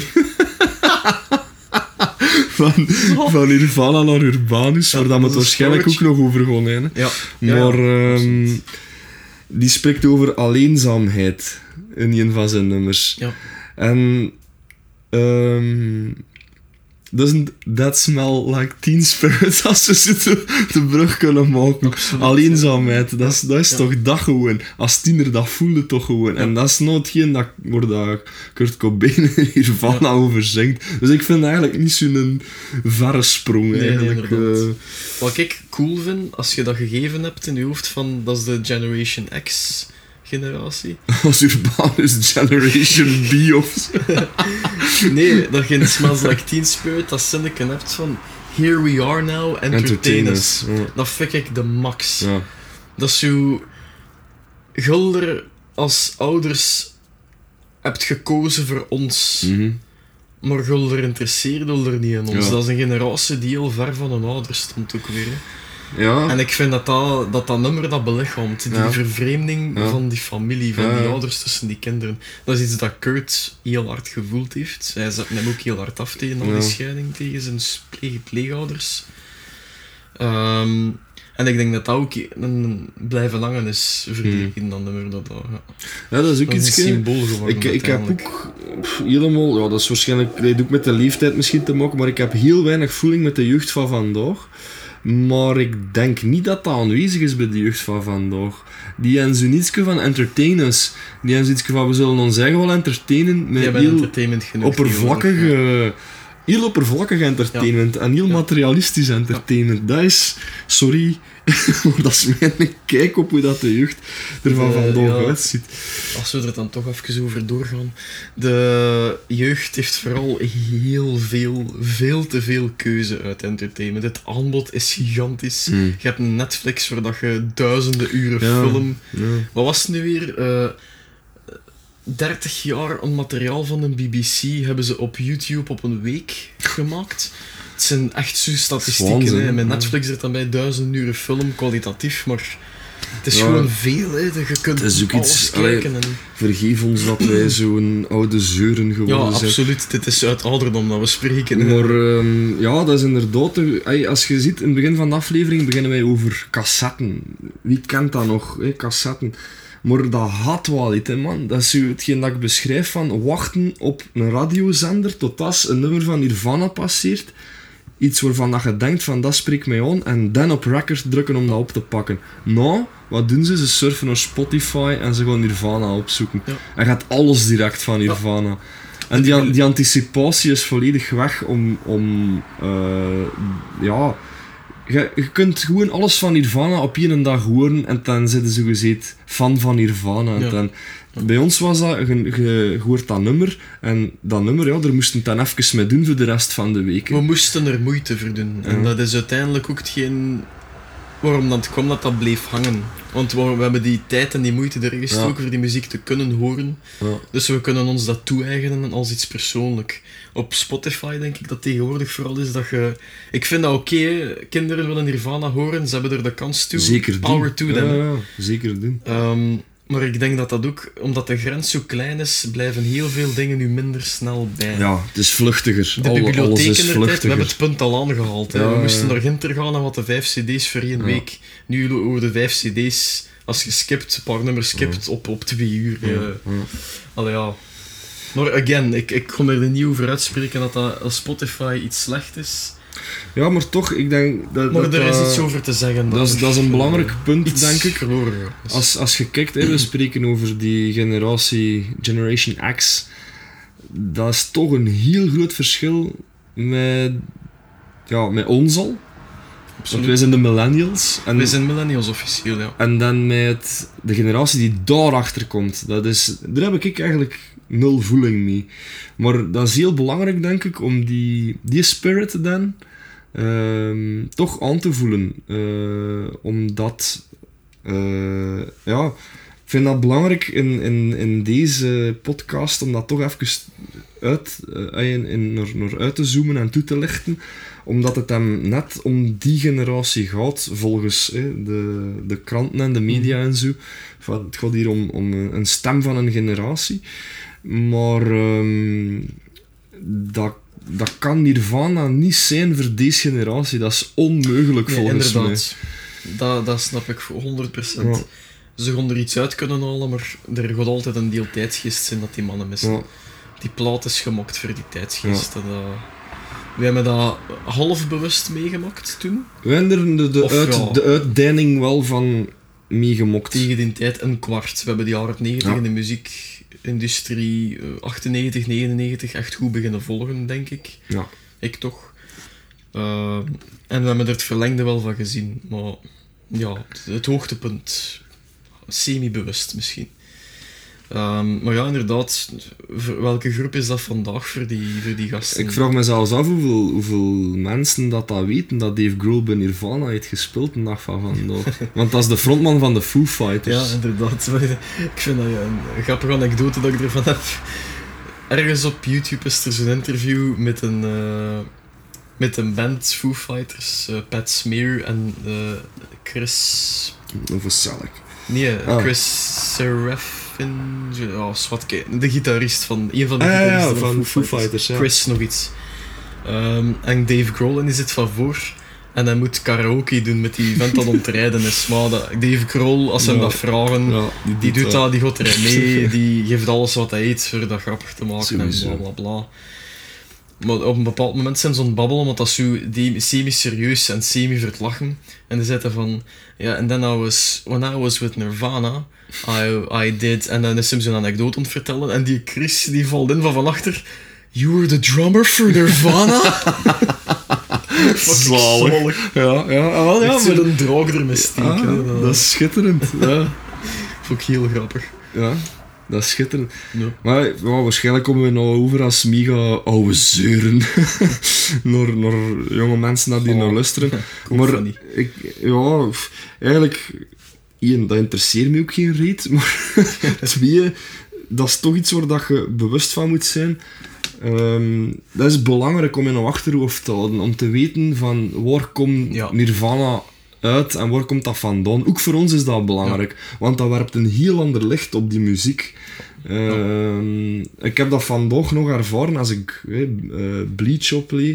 Van man, wat een, wat een vernieuwing moet dat geweest zijn. En als je dat niet hoort, dan hoor je Nirvana niet. Dan, Nee, inderdaad. dan ehm, ja, het is, het, is, het is moeilijk om Ja. uit te leggen. Maar er is een generatie kinderen nu, wiens ouders Generation X Is. is. Ja. Dus in dat opzicht is dat enigszins, ja, ik kon het niet belangrijk noemen, maar het kan, het kan wel nuttig zijn om te weten waar Nirvana vandaan komt en in welke tijdsgeest dat die ontstaan zijn, om uw ouders beter te verstaan. Als ze in die groep gezeten hebben toen, hè, want, want eh, het is niet gezegd dat uw ouders er luisterden. Oh, ik heb zo'n, eh, ook weer een YouTube-kanaal. Eh, Kids React to Music is dat. Ja, ja, ja, ja. Ik Kids vind dat- React to Nirvana. ik Ik, vind dat- al ja, al ik heb het nog niet Ik bekeken. heb Metallica, ja. Nirvana, ik heb Ah, heel ja, groepen. Ik vind dat fantastisch voor te zien, die gasten. En er zijn veel kinderen die dan zeggen van ja, I heard this in my, on my dad's stereo in the Mhm. car of, of Zot, eh, at home. Of, dat is Nirvana. dus die zijn er enigszins wel mee bekend, maar je merkt dat die, het zijn ook nog jonge kinderen natuurlijk, die hebben er niet te veel voeling mee. Maar Maar ik- ik- ja. als je met muziek bezig zit vandaag de dag en je hoort dat, is je eerste indruk dat dat, bij mij was van wow, stevig, cool, ik wil er wel eens iets meer van horen. Maar ik denk dat, dat je... Kon er niet te veel geld op inzetten, maar ik kon er wel geld op inzetten. Als je het vandaag de dag als jeugd hoort, ga je er wel iets meer in horen Ja. dan de gemiddelde rockgroep, hoop ik. Ja, ja, ja, inderdaad, op die manier. Eh, ja, sowieso, ja. Ik bedoel, alleen Nirvana is ook geen oppervlakkige shit. Eh, Absoluut niet. maar ja, ik, hey, ik eh, juich, dat, juich dat alleen maar aan, en moedig dat alleen maar aan, hè, van zoek dat op. En, eh, ah ja, ook alle respect ervoor als je het niet goed vindt. Hè. Bedoel, eh, dat kan ik ook heel goed begrijpen. Tuurlijk. Ehm, als je liever Adele wordt, is dat al volste recht bij mij. Hey, voor een voorbeeld te geven. Ik snap dat. Ehm, maar, maar ik blijf hier nog echt wel serieus over doordrammen, maar dat je dan ook gewoon met die integriteit van die muziek te maken. Ehm, net omdat Kurt Cobain zo'n integere muzikant was en het met die reden ook deed, eh, vind ik dat belangrijk om dat als achtergrond te hebben. Ja. Ehm, en dat te kaderen eh, in die, die tijdsgeest. Zo van, van never, vooral voor Nevermind vind ik dat heel belangrijk. Ehm, Ja, en Utero, dat is een persoonlijke favoriet voor de reden dat we al vernoemd hebben. Maar Nevermind was een, een, dat was een mijlpaal in, in de rockgeschiedenis op dat punt, hè, door die Ja, tijdsgeest. ja, ja. Dat was een, een bijna, bijna een politiek album, Ja. zelfs. Een heel sociologisch belangrijk album. Ja. Ehm, ja, wel. Je kunt erover blijven, over blijven vertellen. Hè. De- Ja. Maar ik denk wel, voor dezelfde reden, je zegt nu daarnet die cassetten, dat dat voor ons moeite, moeite doen was. Ja. Er is nu sinds een aantal jaren, ik weet niet dat dat nu al terug aan het uitsterven is, maar de plaat Ja, Is- nee, nee, dat is volop nog... eh, opnieuw geboren. Actueel, De- je hebt ook een plaat uitgebracht, letterlijk nu met Chief, Ja, eh, Chief ja. Roberts, dames en heren. Wie dat? Ehm, Wie zijn dat?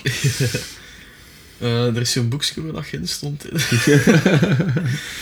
Ah, wel ja, de, de plaat is, is een... Guns N' Roses. Ja, Eh, er is, er is een, een, het gegeven van die plaat, dat is het ultieme moeite doen, denk ik ook. Hè. Eh, je hebt een platenspeler nodig, je legt dat op. Het duurt niet zo lang dan een cd of een cassette. Het wordt fysieker gewoon. Het ook. is fysieker, het heeft iets tastbaarder. Ja. En dat vind ik goed. Dat vind ik Mhm. een heel goede evolutie dat dat terugkomt. Mhm.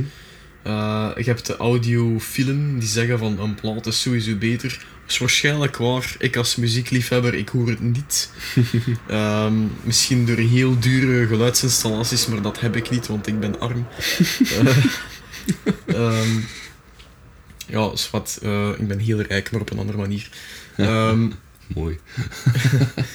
eh, als audiofiel, ja, is dat één ding, maar er zijn veel mensen die dat nu kopen omdat het iets me- van meerwaarde geeft om de ervaring. Mm. En dat vind ik heel mooi. Ja. Dat dat niet verloren gaat. Ja. Dat, dat vind ik heel belangrijk. Ja. Dat is gelijk dat mensen die nog liever een, een fysiek een boek lezen en papieren omdraaien dan dat ze een artikel lezen op internet of een boek lezen op een e-book Mhm. bijvoorbeeld. eh. dat zijn allemaal dingen die niet verloren mogen gaan. En dat is ook de reden dat er heel veel oude muziek is dat ik leer appreciëren. Mm. Met meer in contact te komen met die tijdsgeest. Dat is de reden waarom Ja. dat de Doors voor mij ook zo krachtig zijn als groep in die tijdsgeest. Dat is de reden waarom dat ik Ja. eh, die swing in de jaren 40 wat een rebelse muziekstijl was. Mhm. Een rebelse dans Mhm. eh, eh, cultus was, ehm, vind ik ik heel, heel ehm, interessant voor daarover te leren. En dan begin ook die muziek meer en meer te appreciëren voor wat het is en begin de gradaties te in die muziek onderling.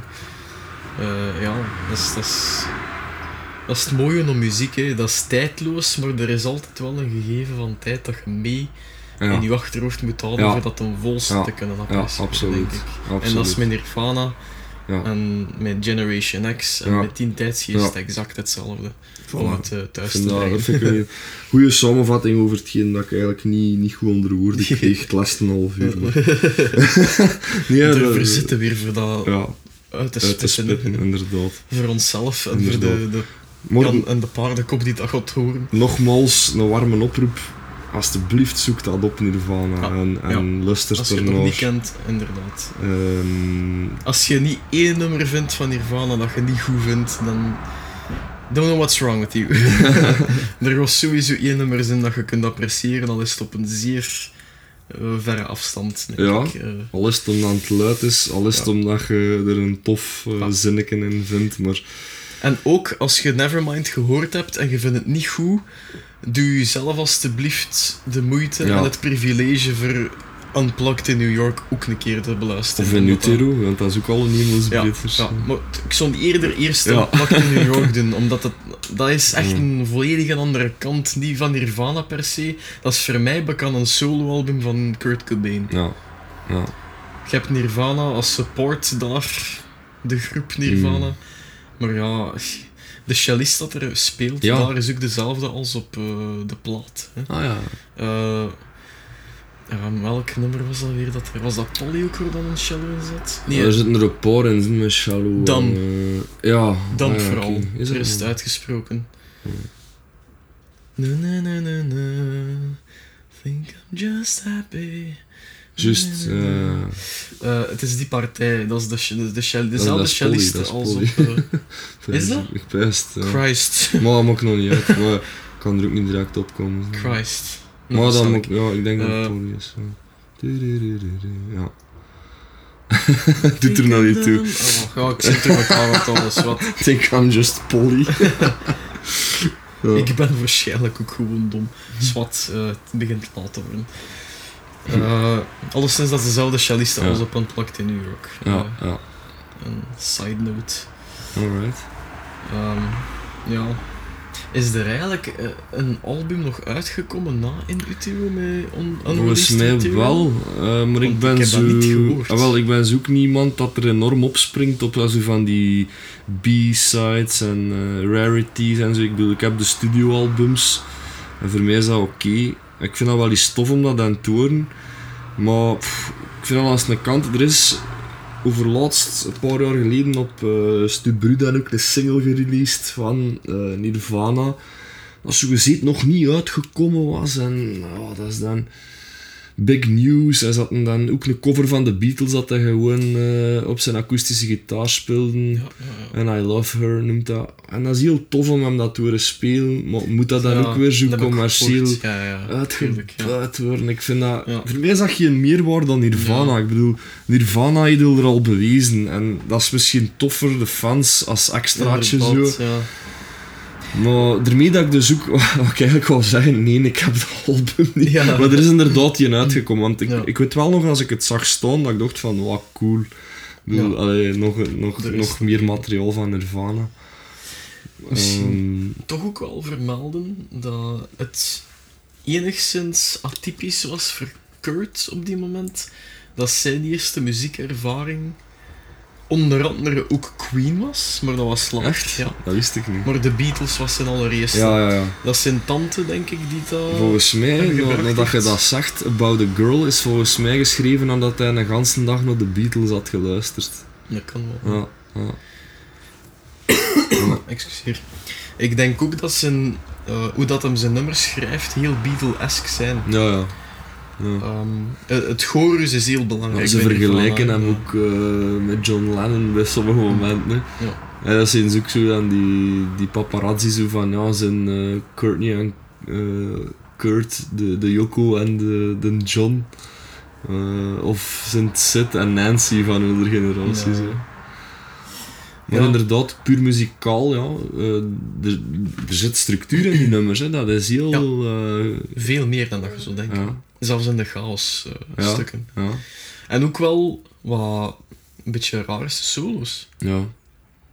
Het- Dat is niet, geen en gitarist. simpele solo's, Ja. maar fucking goede solo's. En hij durft uit een bocht gaan, hij durft uit de, buiten de lijnen kleuren. Alles, alles wat gebeurt in de nummers van Nirvana heeft een reden. Ehm, Er zijn... Ik heb vandaag ook nog een nummer gehoord van een Utero en ik kan er uiteraard niet op komen. Maar eh, dat is een... Ah ja, dat is volgens mij... nee, niet Serve the Serve, dat een, de andere dat je zei. Shifter. eh, Radio-friendly Ja. unit shifter. dat is éénzelfde baslijn continu door dat nummer. En door bouwt hij zijn... eh, ja, ja, ja. Exact. gitaarstukken rond. deels leadgitaar, deels rhythmgitaar. Eh maar dat zit zo geniaal in elkaar. Dat is een crème van een nummer. Dat is echt niet te doen. En zo weet er veel, hè. Ehm, maar allemaal schoonetjes opgebouwd, inderdaad. Uh, strofe, refrein, een bridge ertussen. Van, ah, wel, je zegt dan al heel veel structuur. Op, zelfs op een eerste plaat op Bleach. Ja. School. Ja, fantastisch nummer. Fantastisch. Dat is mijn favoriet nummer van, Ja, eh, van Bleach. Idem, Ja. idem. Ja. Ook eh, nog niet zo lang geleden ontdekt eigenlijk, want ik had Bleach niet. Ehm, maar gelukkig had mijn vriendin dat wel. Ja, ja. en, eh, dus dat stond in haar CD-collectie. En zo is ik dan eindelijk om Bleach gerokt. En ehm, dat heeft mij heel aangenaam verrast, eh, die CD. Dat is zo dat het chorus bij, bij Cobain is belangrijk. Omdat hij... En ja, hij doet alle twee. En dat nummer specifiek is die verse en die chorus. Dat is een dreun. Dat is altijd Mhm. hetzelfde dat hem doet. En dat doet nul afbreuk aan dat nummer. Dat maakt dat goed. Ja, ja. En de, bij de Beatles was die herhaling ook belangrijk. Ja. Die structuur, dat, Ja. dat strak schema erin. Ja. En dat heeft hij ook. ja. Zelfs in, die, in dat vroege werk. Dat, Mhm. eh, ik vind dat een geweldig nummer. In, in ehm, eh, Montage of Hack komt dat ook in. Er is zo'n film over een bende kinderen. Over the Edge, denk ik. Ja, inderdaad. Eh, ja, ja. Het verhaal over de, van die film is, er is een school en in die school sterft er ergens een leerling. Eh, en die ouders kunnen niet met hun kinderen overweg. Ja. hè. Beginnen de parallel te zien al tussen de ouders van, gen, eh, ja, de, ouders van de Generation X generatie Mhm. en die, die kinderen in die film. ja. Die ouders kunnen niet met hun kinderen overweg. Sommige leerkrachten, en dat is voor ons ook een belangrijk gegeven, kunnen goed met die kinderen overweg, maar de meerderheid ook niet. ja. En die kinderen in die film eh, sluiten hun ouders op op een soort eh, ouderavond. ja, ja. En die breken gans die De school af, vierkant af. Eh, die die steken de letterlijk en figuurlijk de middelvinger op naar hun ouders en de school. Hmm. En dat gegeven was heel belangrijk voor Kurt Cobain, denk Ja. ik. Rond dat idee, Ja. maar als je dat dan verder trekt naar de ouders, de maatschappij, de wereld, Mhm. de muziekindustrie, dat was een gigantische middenvinger van Ja. Nirvana uit naar Ja, eh, alles eigenlijk. Eh, was ze nummer tot nummer meedroegen. En School, daar was ongeveer eh er de inspiratie Ja. op rechtstreeks Over the Edge, de film. Ook een goede film, als je die nog niet gezien hebt. mhm. Ehm, ja ik wijs dat dat inderdaad wel een, een heel eh, goede analyse is van de insteek van Nirvana. Ehm, dus heb ik het persoonlijk wel kunnen lezen. Ja, Ja, niet, ik kon hier niet beweren dat ik dat allemaal ervaren heb achter één keer luisteren. Dat is dus eh, mm. iets van de voorbije tien jaar. Want ik heb Ja. Nirvana... Nirvana... Nirvana, zo zeggen ze heb- hè? ja. Ah, je wordt Nirvana. Nirvana. Not Nirvana, like in Canada. hey, En ze zeggen dat meestal al zo'n beetje stoot, Ja. Nirvana. Nirvana, dude. Alleszins, nou, ik ben mijn punt weer kwijt. Eh, Ja, Nirvana. ik ben het volledig Allemaal kwijt. niet uit. Zwat, ja. eh. Ja, het is iets van de voorbije tien jaar. Ja, dat je ontdekt. Dat ik. Nirvana meer beginnen appreciëren ben op die manier. Dat ik er die dingen in beginnen lezen ben. Ook met iets meer... Ah, Ik gebruik dat woord levenswijsheid niet graag, maar met iets meer inzicht misschien Ja. in een Ja, oudere generatie en in een generatie eh, voor ons. eh met dat ik nu zelf midden de dertig sta. Ja, gelijk dat dat gebeurt. ja. Nou, ik moet ook zeggen, met mij de laatste week te verdiepen in, ehm, in Nirvana, dat ik nieuwe lagen ontdekt heb, nog in die muziek. En eh, oprechte schoonheid heb ervaren. Ja. En dat is niet geen Ja. waar dat ik Nirvana oorspronkelijk voor ben gaan opzoeken, want het moest, het moest luid zijn, het was luid, het was Ja. goed. Maar ehm, ik vraag me af, gelijk eh, die nummers, moesten die op een piano spelen, akoestisch, zonder zang of zo, hoe dat die zo'n klinken, maar ik ben er vrijwel van overtuigd dat die staan als een huis gewoon.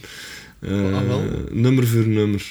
Je hebt een versie van Smells Like Teen Spirit door Scala. Mhm. Ik kan Het, even eh, overgeven, want ik eh, kan er niet goed op op scala. Maar, goed. Ja, ah, wel, ik vind maar ik weet op welke versie dat hebt. die versie is geen happy, snel nummer, dat is een eulogie. Ja, ja. En dat komt echt over als een Ja. eulogie, vind ik. Eh, en dat is een eulogie enerzijds voor Kurt Cobain, maar ook weer voor die tijd waarin dat, dat nummer... eh, of dat komt toch zo over, waarin dat, dat nummer uitgebracht is. Dat, eh, en je zegt een piano, ik denk dat heel veel van die nummers zo werken op Ja. piano. ja. ja. En we gaan die cd opnemen en uitbrengen volgend jaar. Ja, even naar Nee. de fans van Skal in de, in de bollen gekikt, maar is wat. Dat was een andere Oh, discussie. Wat is goed, wat is slecht. Eh, ik kon me niet uitspreken over Scala, buiten dat je nummer. Ik heb Ja. er verder niks mee te zien. Maar ik, ik, allee, mijn punt was gewoon, ik, ik denk dat je de, de songwriter niet mag onderschatten in, in Ja. Kurt Cobain. Exact. Dat is echt een... Ah, wel, dat is ook zo weer een term, hè, singer-songwriter. Want tegenwoordig als je een zot op een akoestische gitaar ergens laat spelen, dat er niks van bakt uit, maar dan is dat een singer-songwriter. Maar nee, Kurt Cobain, dat was een singer-songwriter. Ik kom mij nu even uitspreken over ene wel bepaalde artiest die ik... Milo! ik ben blij dat we een compressor hebben op onze, eh, op onze micro. Er zat iets Eh. in mijn keel. Ja, ja. Nee, die mens kan een hele aangename mens zijn voor met de babbel. Maar Ed Sheeran, ik kan uw muziek niet horen. Ik kan hem niet luchten. het is... Nou, ik vind nu wel... Ik vind het een, een spreekwoordelijk een haarbal van de muziekindustrie vandaag de dag. Eh, nee, dat... Ik ken hem niet genoeg om... eh, Oh, maar ja, goed. het is, ik, heb, Spreekt mij ook niet aan. ik eh. heb de moeite gedaan voor zijn platen te luisteren Ja. en het is voor mij allemaal hetzelfde en het is plat. Heeft jij zo geen nummer over een, eh, een mesje in een bar of iets. Ongetwijfeld. En, weet ik veel. Ja, dat ze viool speelt in een... ja, ik weet het niet. kan. Ik gewoon al, eh, waarschijnlijk de mist gewoon, omdat ik er niks van ken. Het is, eh, sorry. Maar het is, dat het is die oppervlakkigheid waarschijnlijk dat... Goh, voor mij persoonlijk, hè, gasten, want ik hoor al er al komen als we zeggen van stuur maar mailtjes binnen van oh, kakken op het Sheeran of van lul. Dat is mijn persoonlijke mening. Ik vind het 13 in een dozijn. De manier van zingen, de structuur van zijn nummers, de, de ja, zwart. Kom, ik ben een oude zak van 33, naar mij moet ook niet luisteren. maar Ja.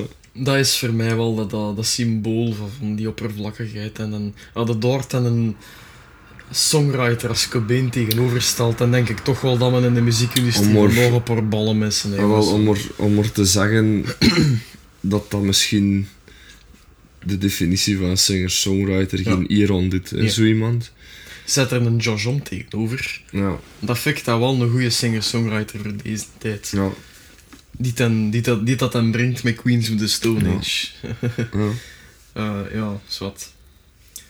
Muziek is subjectief. Maar ja, om, om maar te zeggen 101 redenen. dat eh, allee, de, de kwaliteiten van, van Kurt Cobain niet onderschat mogen worden. Ja. Dat dat hij gewoon eh, muzikaal eh, een enorm goede artiest was.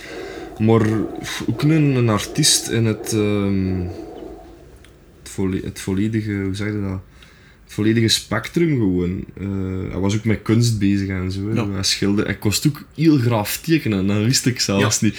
Maar de tekeningen dat ze in die documentaire laten zien, ik vind die fantastisch. Voor een jong gastje dat is die goed. ongelooflijk goed. Hij heeft Ja. een Goofy dat hij er tekent en zo, en een Mickey Mouse. En... Dat, Dat is allemaal goed. Maar, ehm, ja, dat is gewoon, dat is een kunstzinnige mens gewoon. Ja. Ehm, en dat ga je ontdekken als je ja, lang genoeg naar Nirvana luistert, Ja. wat er allemaal in zit. Eigenlijk zoveel mensen in die situatie heeft hem naar eigen zeggen een fantastische jeugd gehad. Tot zijn acht jaar dat zijn ouders gescheiden zijn Ja. en dan is alles bergaf gegaan. Ja, ja. Dat is heel triestig, dat is heel sad. En ik vind dat... Ik ben ook vader nu van een, van een eh, tweejarig zoontje. Mhm. Ik kan me niet voorstellen wat dat moet zijn. Voor hem moest Ja, ik klopt. en mijn vriendin uit elkaar gaan. Dat, dat, dat gedacht alleen al ja. breekt mijn hart gewoon. Dat- allee, apart, dus ja. Allee, om een andere groep erbij te betrekken, iets dat totaal niks te maken heeft met Nirvana, maar Mm. de Depeche Mode is zo'n nummer. Sorry, dat was niet de titel van het nummer. Ik heb last van een, eh, een halve keelontsteking. Ehm de Depeche Mode heeft zo'n nummer geschreven door... eh dat weet ik op, hoe noemt dat nu weer? Se- niet Severin, is van... Nee, Banshees, Steve Severin. Gore. Go- Martin Gore, ja, Ja. dank u. Eh, Martin Gore eh, heeft dat geschreven, Precious, Ah ja, mooi. Ja, van Playing the Angel. fantastisch. gaat over de echtscheiding van zijn zijn vrouw en over wat dat hij eigenlijk wat dat zij hun kinderen aandoen. Ja. En, eh, ik moest er denken toen ik Montage Effect herbekeken heb recentelijk voor de Mhm. podcast. Mhm. Dat is hartverscheurend, man. Dat, eh, dat, je, dat beeld van Cobain die er niet meer mee om kon, het idee hebben dat hij zo'n goede jeugd had. En dan dat gegeven van die scheiding Ja. er tegenover wat dat eigenlijk betekent voor een kind. Want ik heb het zelf niet mo- moeten meemaken, gelukkig. Ja. Dat moet iets heel, ja... Maar dat je dat ook volledig getekend, hè. Eh, allee. Gans de, de shit voor hem dat eruit voortgevloeid is, eh, vinden rechtstreeks terug in het werk van Nirvana Ja, gewoon. ja, absoluut. Dus dat heeft een enorme, eh, onuitwisbare indruk op dat kind gemaakt. Dat, dat is een trauma geweest Ja. voor hem. Ehm, gelijk voor zoveel gasten, denk ik. Die, eh, ik had gelukkig ook nog niet, niet meegemaakt, maar ehm, ja, dat, dat, dat moet eh, heel triestig geweest zijn. Gelijk voor een Kurt Cobain, die was nergens niet meer welkom om duur. hè. Eh, Zij woonde eerst bij zijn mama, dan moest hij bij zijn papa, omdat Ja. zijn ma geen handen kon steken aan hem. Hij- zijn tantes... zijn, zijn pa moest hem dan thuis uitsturen omdat hij zijn nieuwe vrouw niet meer met hem om kon. Mm. Dan komt hij inderdaad bij zijn tantes, zijn onkels terecht om dan terug bij zijn moeder terecht Ja. te komen. Hoe moet dat dan voelen als kind? Eh allee, dat, dat, is, dat is een trauma gewoon. Hè. En ik denk dat er daar ook een deel dat hem misgroeid is op een stuk. Omdat hij... Allee, dat toont uit die relatie met die vrouw die hem onderhield terwijl Mhm. hij zijn kunst kon doen. Dat was voor hem heel belangrijk, maar ik denk dat hij ook een aantal realiteiten van het leven eh, gewoon die bijgebracht heeft gekregen van zijn ouders.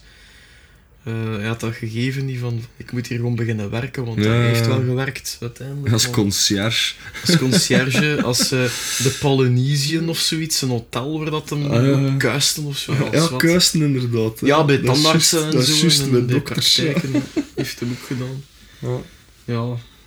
En dat is gewoon, dat is, dat is puur, dat heeft niks met hem te maken. Dat is puur slachtoffer van. En toch cultiveert hij dat. samenloop van omstandigheden, eigenlijk, dat dat ja, altijd is. die miserie, allee, door, door, door komt dan iets als Nirvana uit voort. Eh, en je ziet dat veel wel, ehm, vind ik, bij artiesten.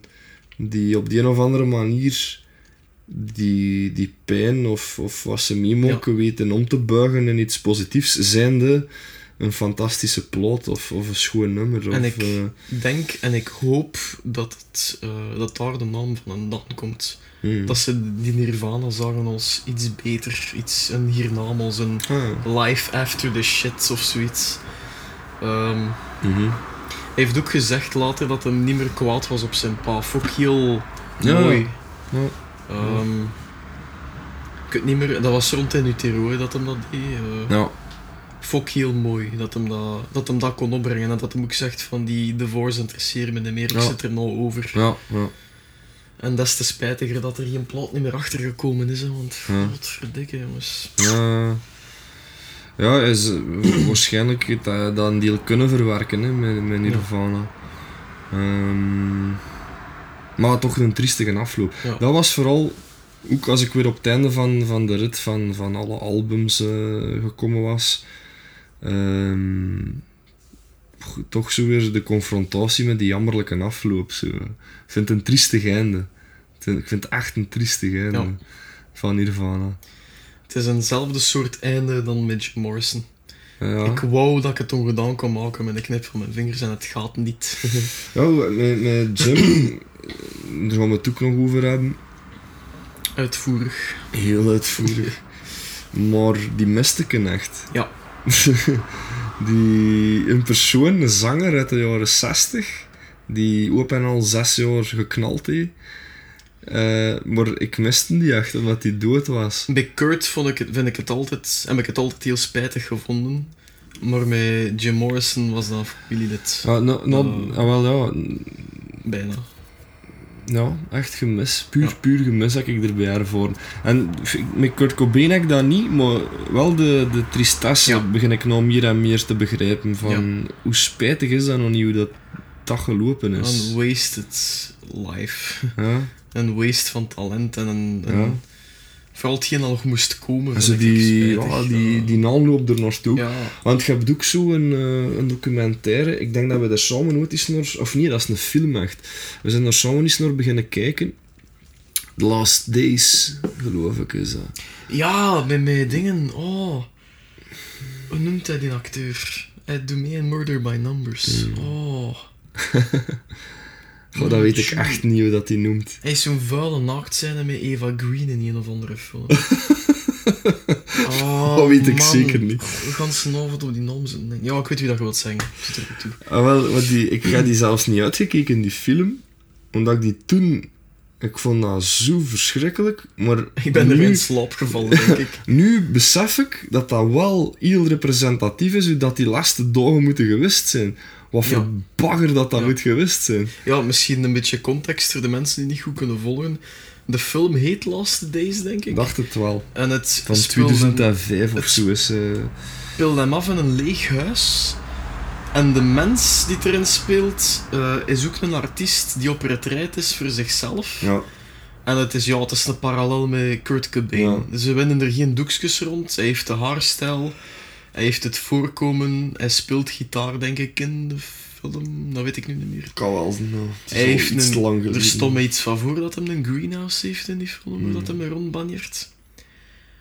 En dat is, dat is een saaie Ja, film, ja, man. ja. Ik ben er echt mee in slaap gevallen. Maar gelijk dat je zegt, dan moet het geweest zijn voor hem.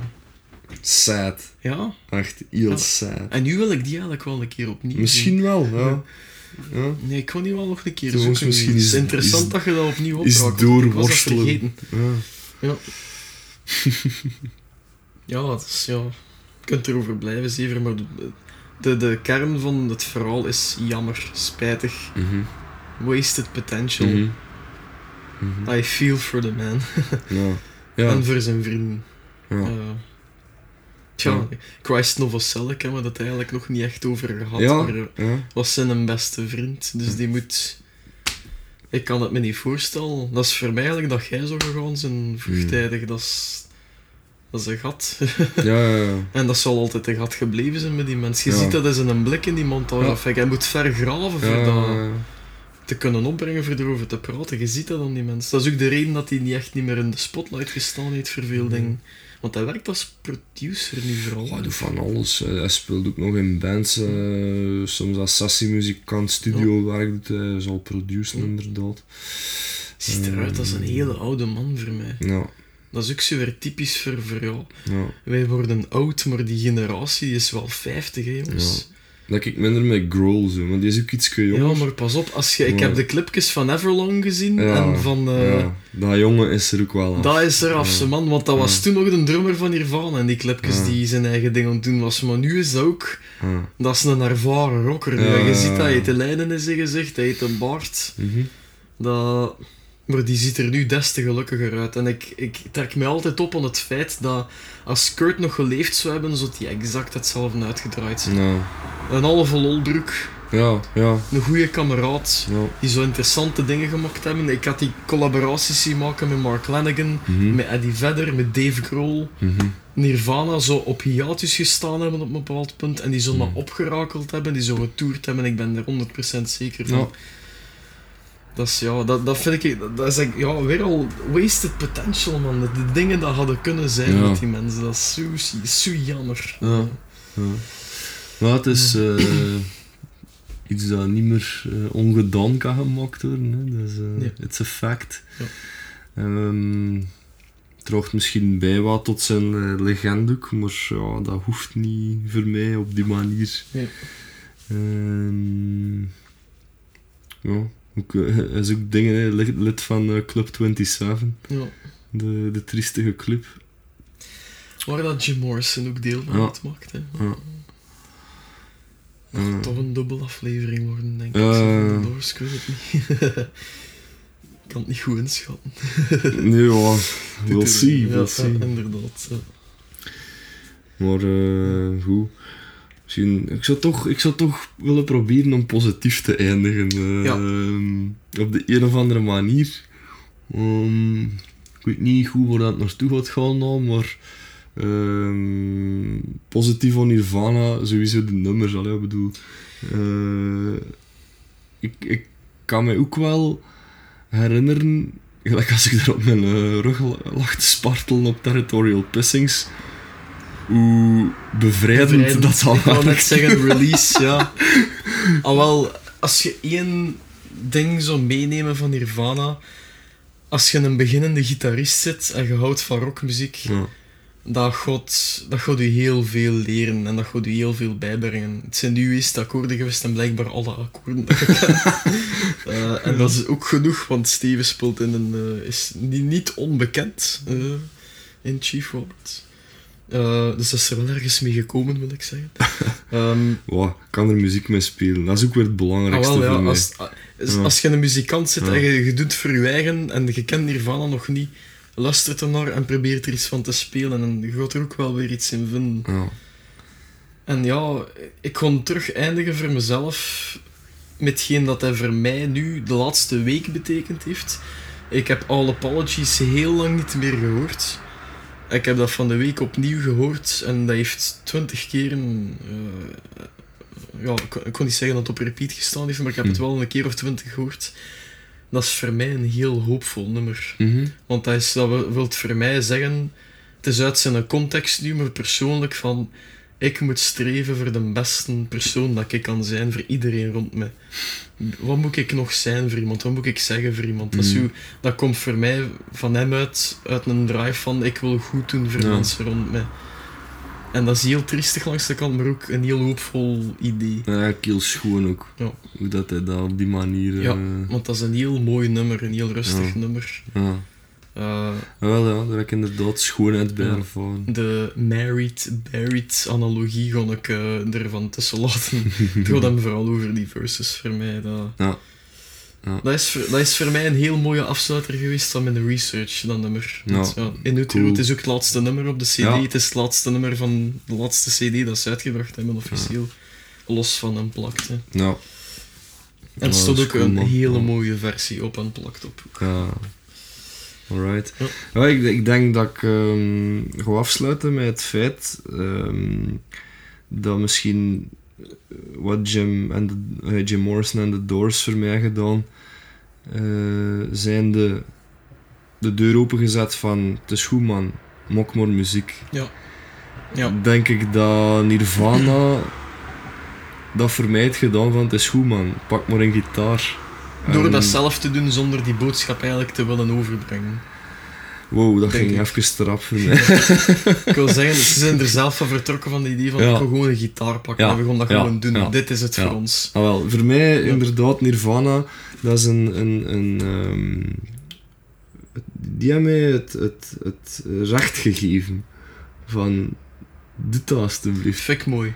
Pak die gitaar maar en, en speel maar. Dat, dat, dat is Nirvana zeker gewist voor mij. En ik, cool. en ik heb ook de klik gevoeld. En, ey, ik heb met Nirvana ook de, de gewone de six-string, elektrisch, akoestisch, daardoor is ik erop beginnen spelen. Ey, dat zijn de eerste nummers geweest dat ik erop speel. Maar ik heb ook ehm, de baslijn van Come As You Are zelf kunnen reconstrueren, zonder Ja. taps of zo. Ja. Dat is het eerste dat ik op met een bas heb gespeeld in een groep met twee maten. Toen had mijn Ja. klas een drummer en een gitarist. Ik heb dat in elkaar voelen passen. En dat is ook wat Nirvana altijd voor mij gaat blijven. Ja. Dat gevoel, en dat kun je niet uitleggen als je zelf geen muziek speelt. Nee, inderdaad. Dat is, dat is heel lastig, denk ik. Maar het gevoel van, we spelen hier een nummer en het klopt. Dat is, dat is de credit van Ja. Nirvana voor mij. Elke muzikant heeft zo zijn eerste groep Ja. doorvoeren. Ja. Dat Dus was het. Dat was Nirvana voor Als dat geen fucking positieve noot is om op te eindigen, dan weet ik het ook Ja. niet meer. Want dat is pure joy Ja. nou. Ik zit hier echt met een smile tot achter mijn ogen. Het privilege. ja. Ja. Nee, dat is goed. We gaan we daarop afsluiten. Alright. Eh, ja, merci als je tot hier geraakt zit, again. En eh, Dikke merci. ik weet niet wat de volgende aflevering zal zijn, dat is nog ter discussie, Ja. denk ik. Maar eh, we zien wel. Tot de volgende keer en merci om te luisteren. Alright, dank u.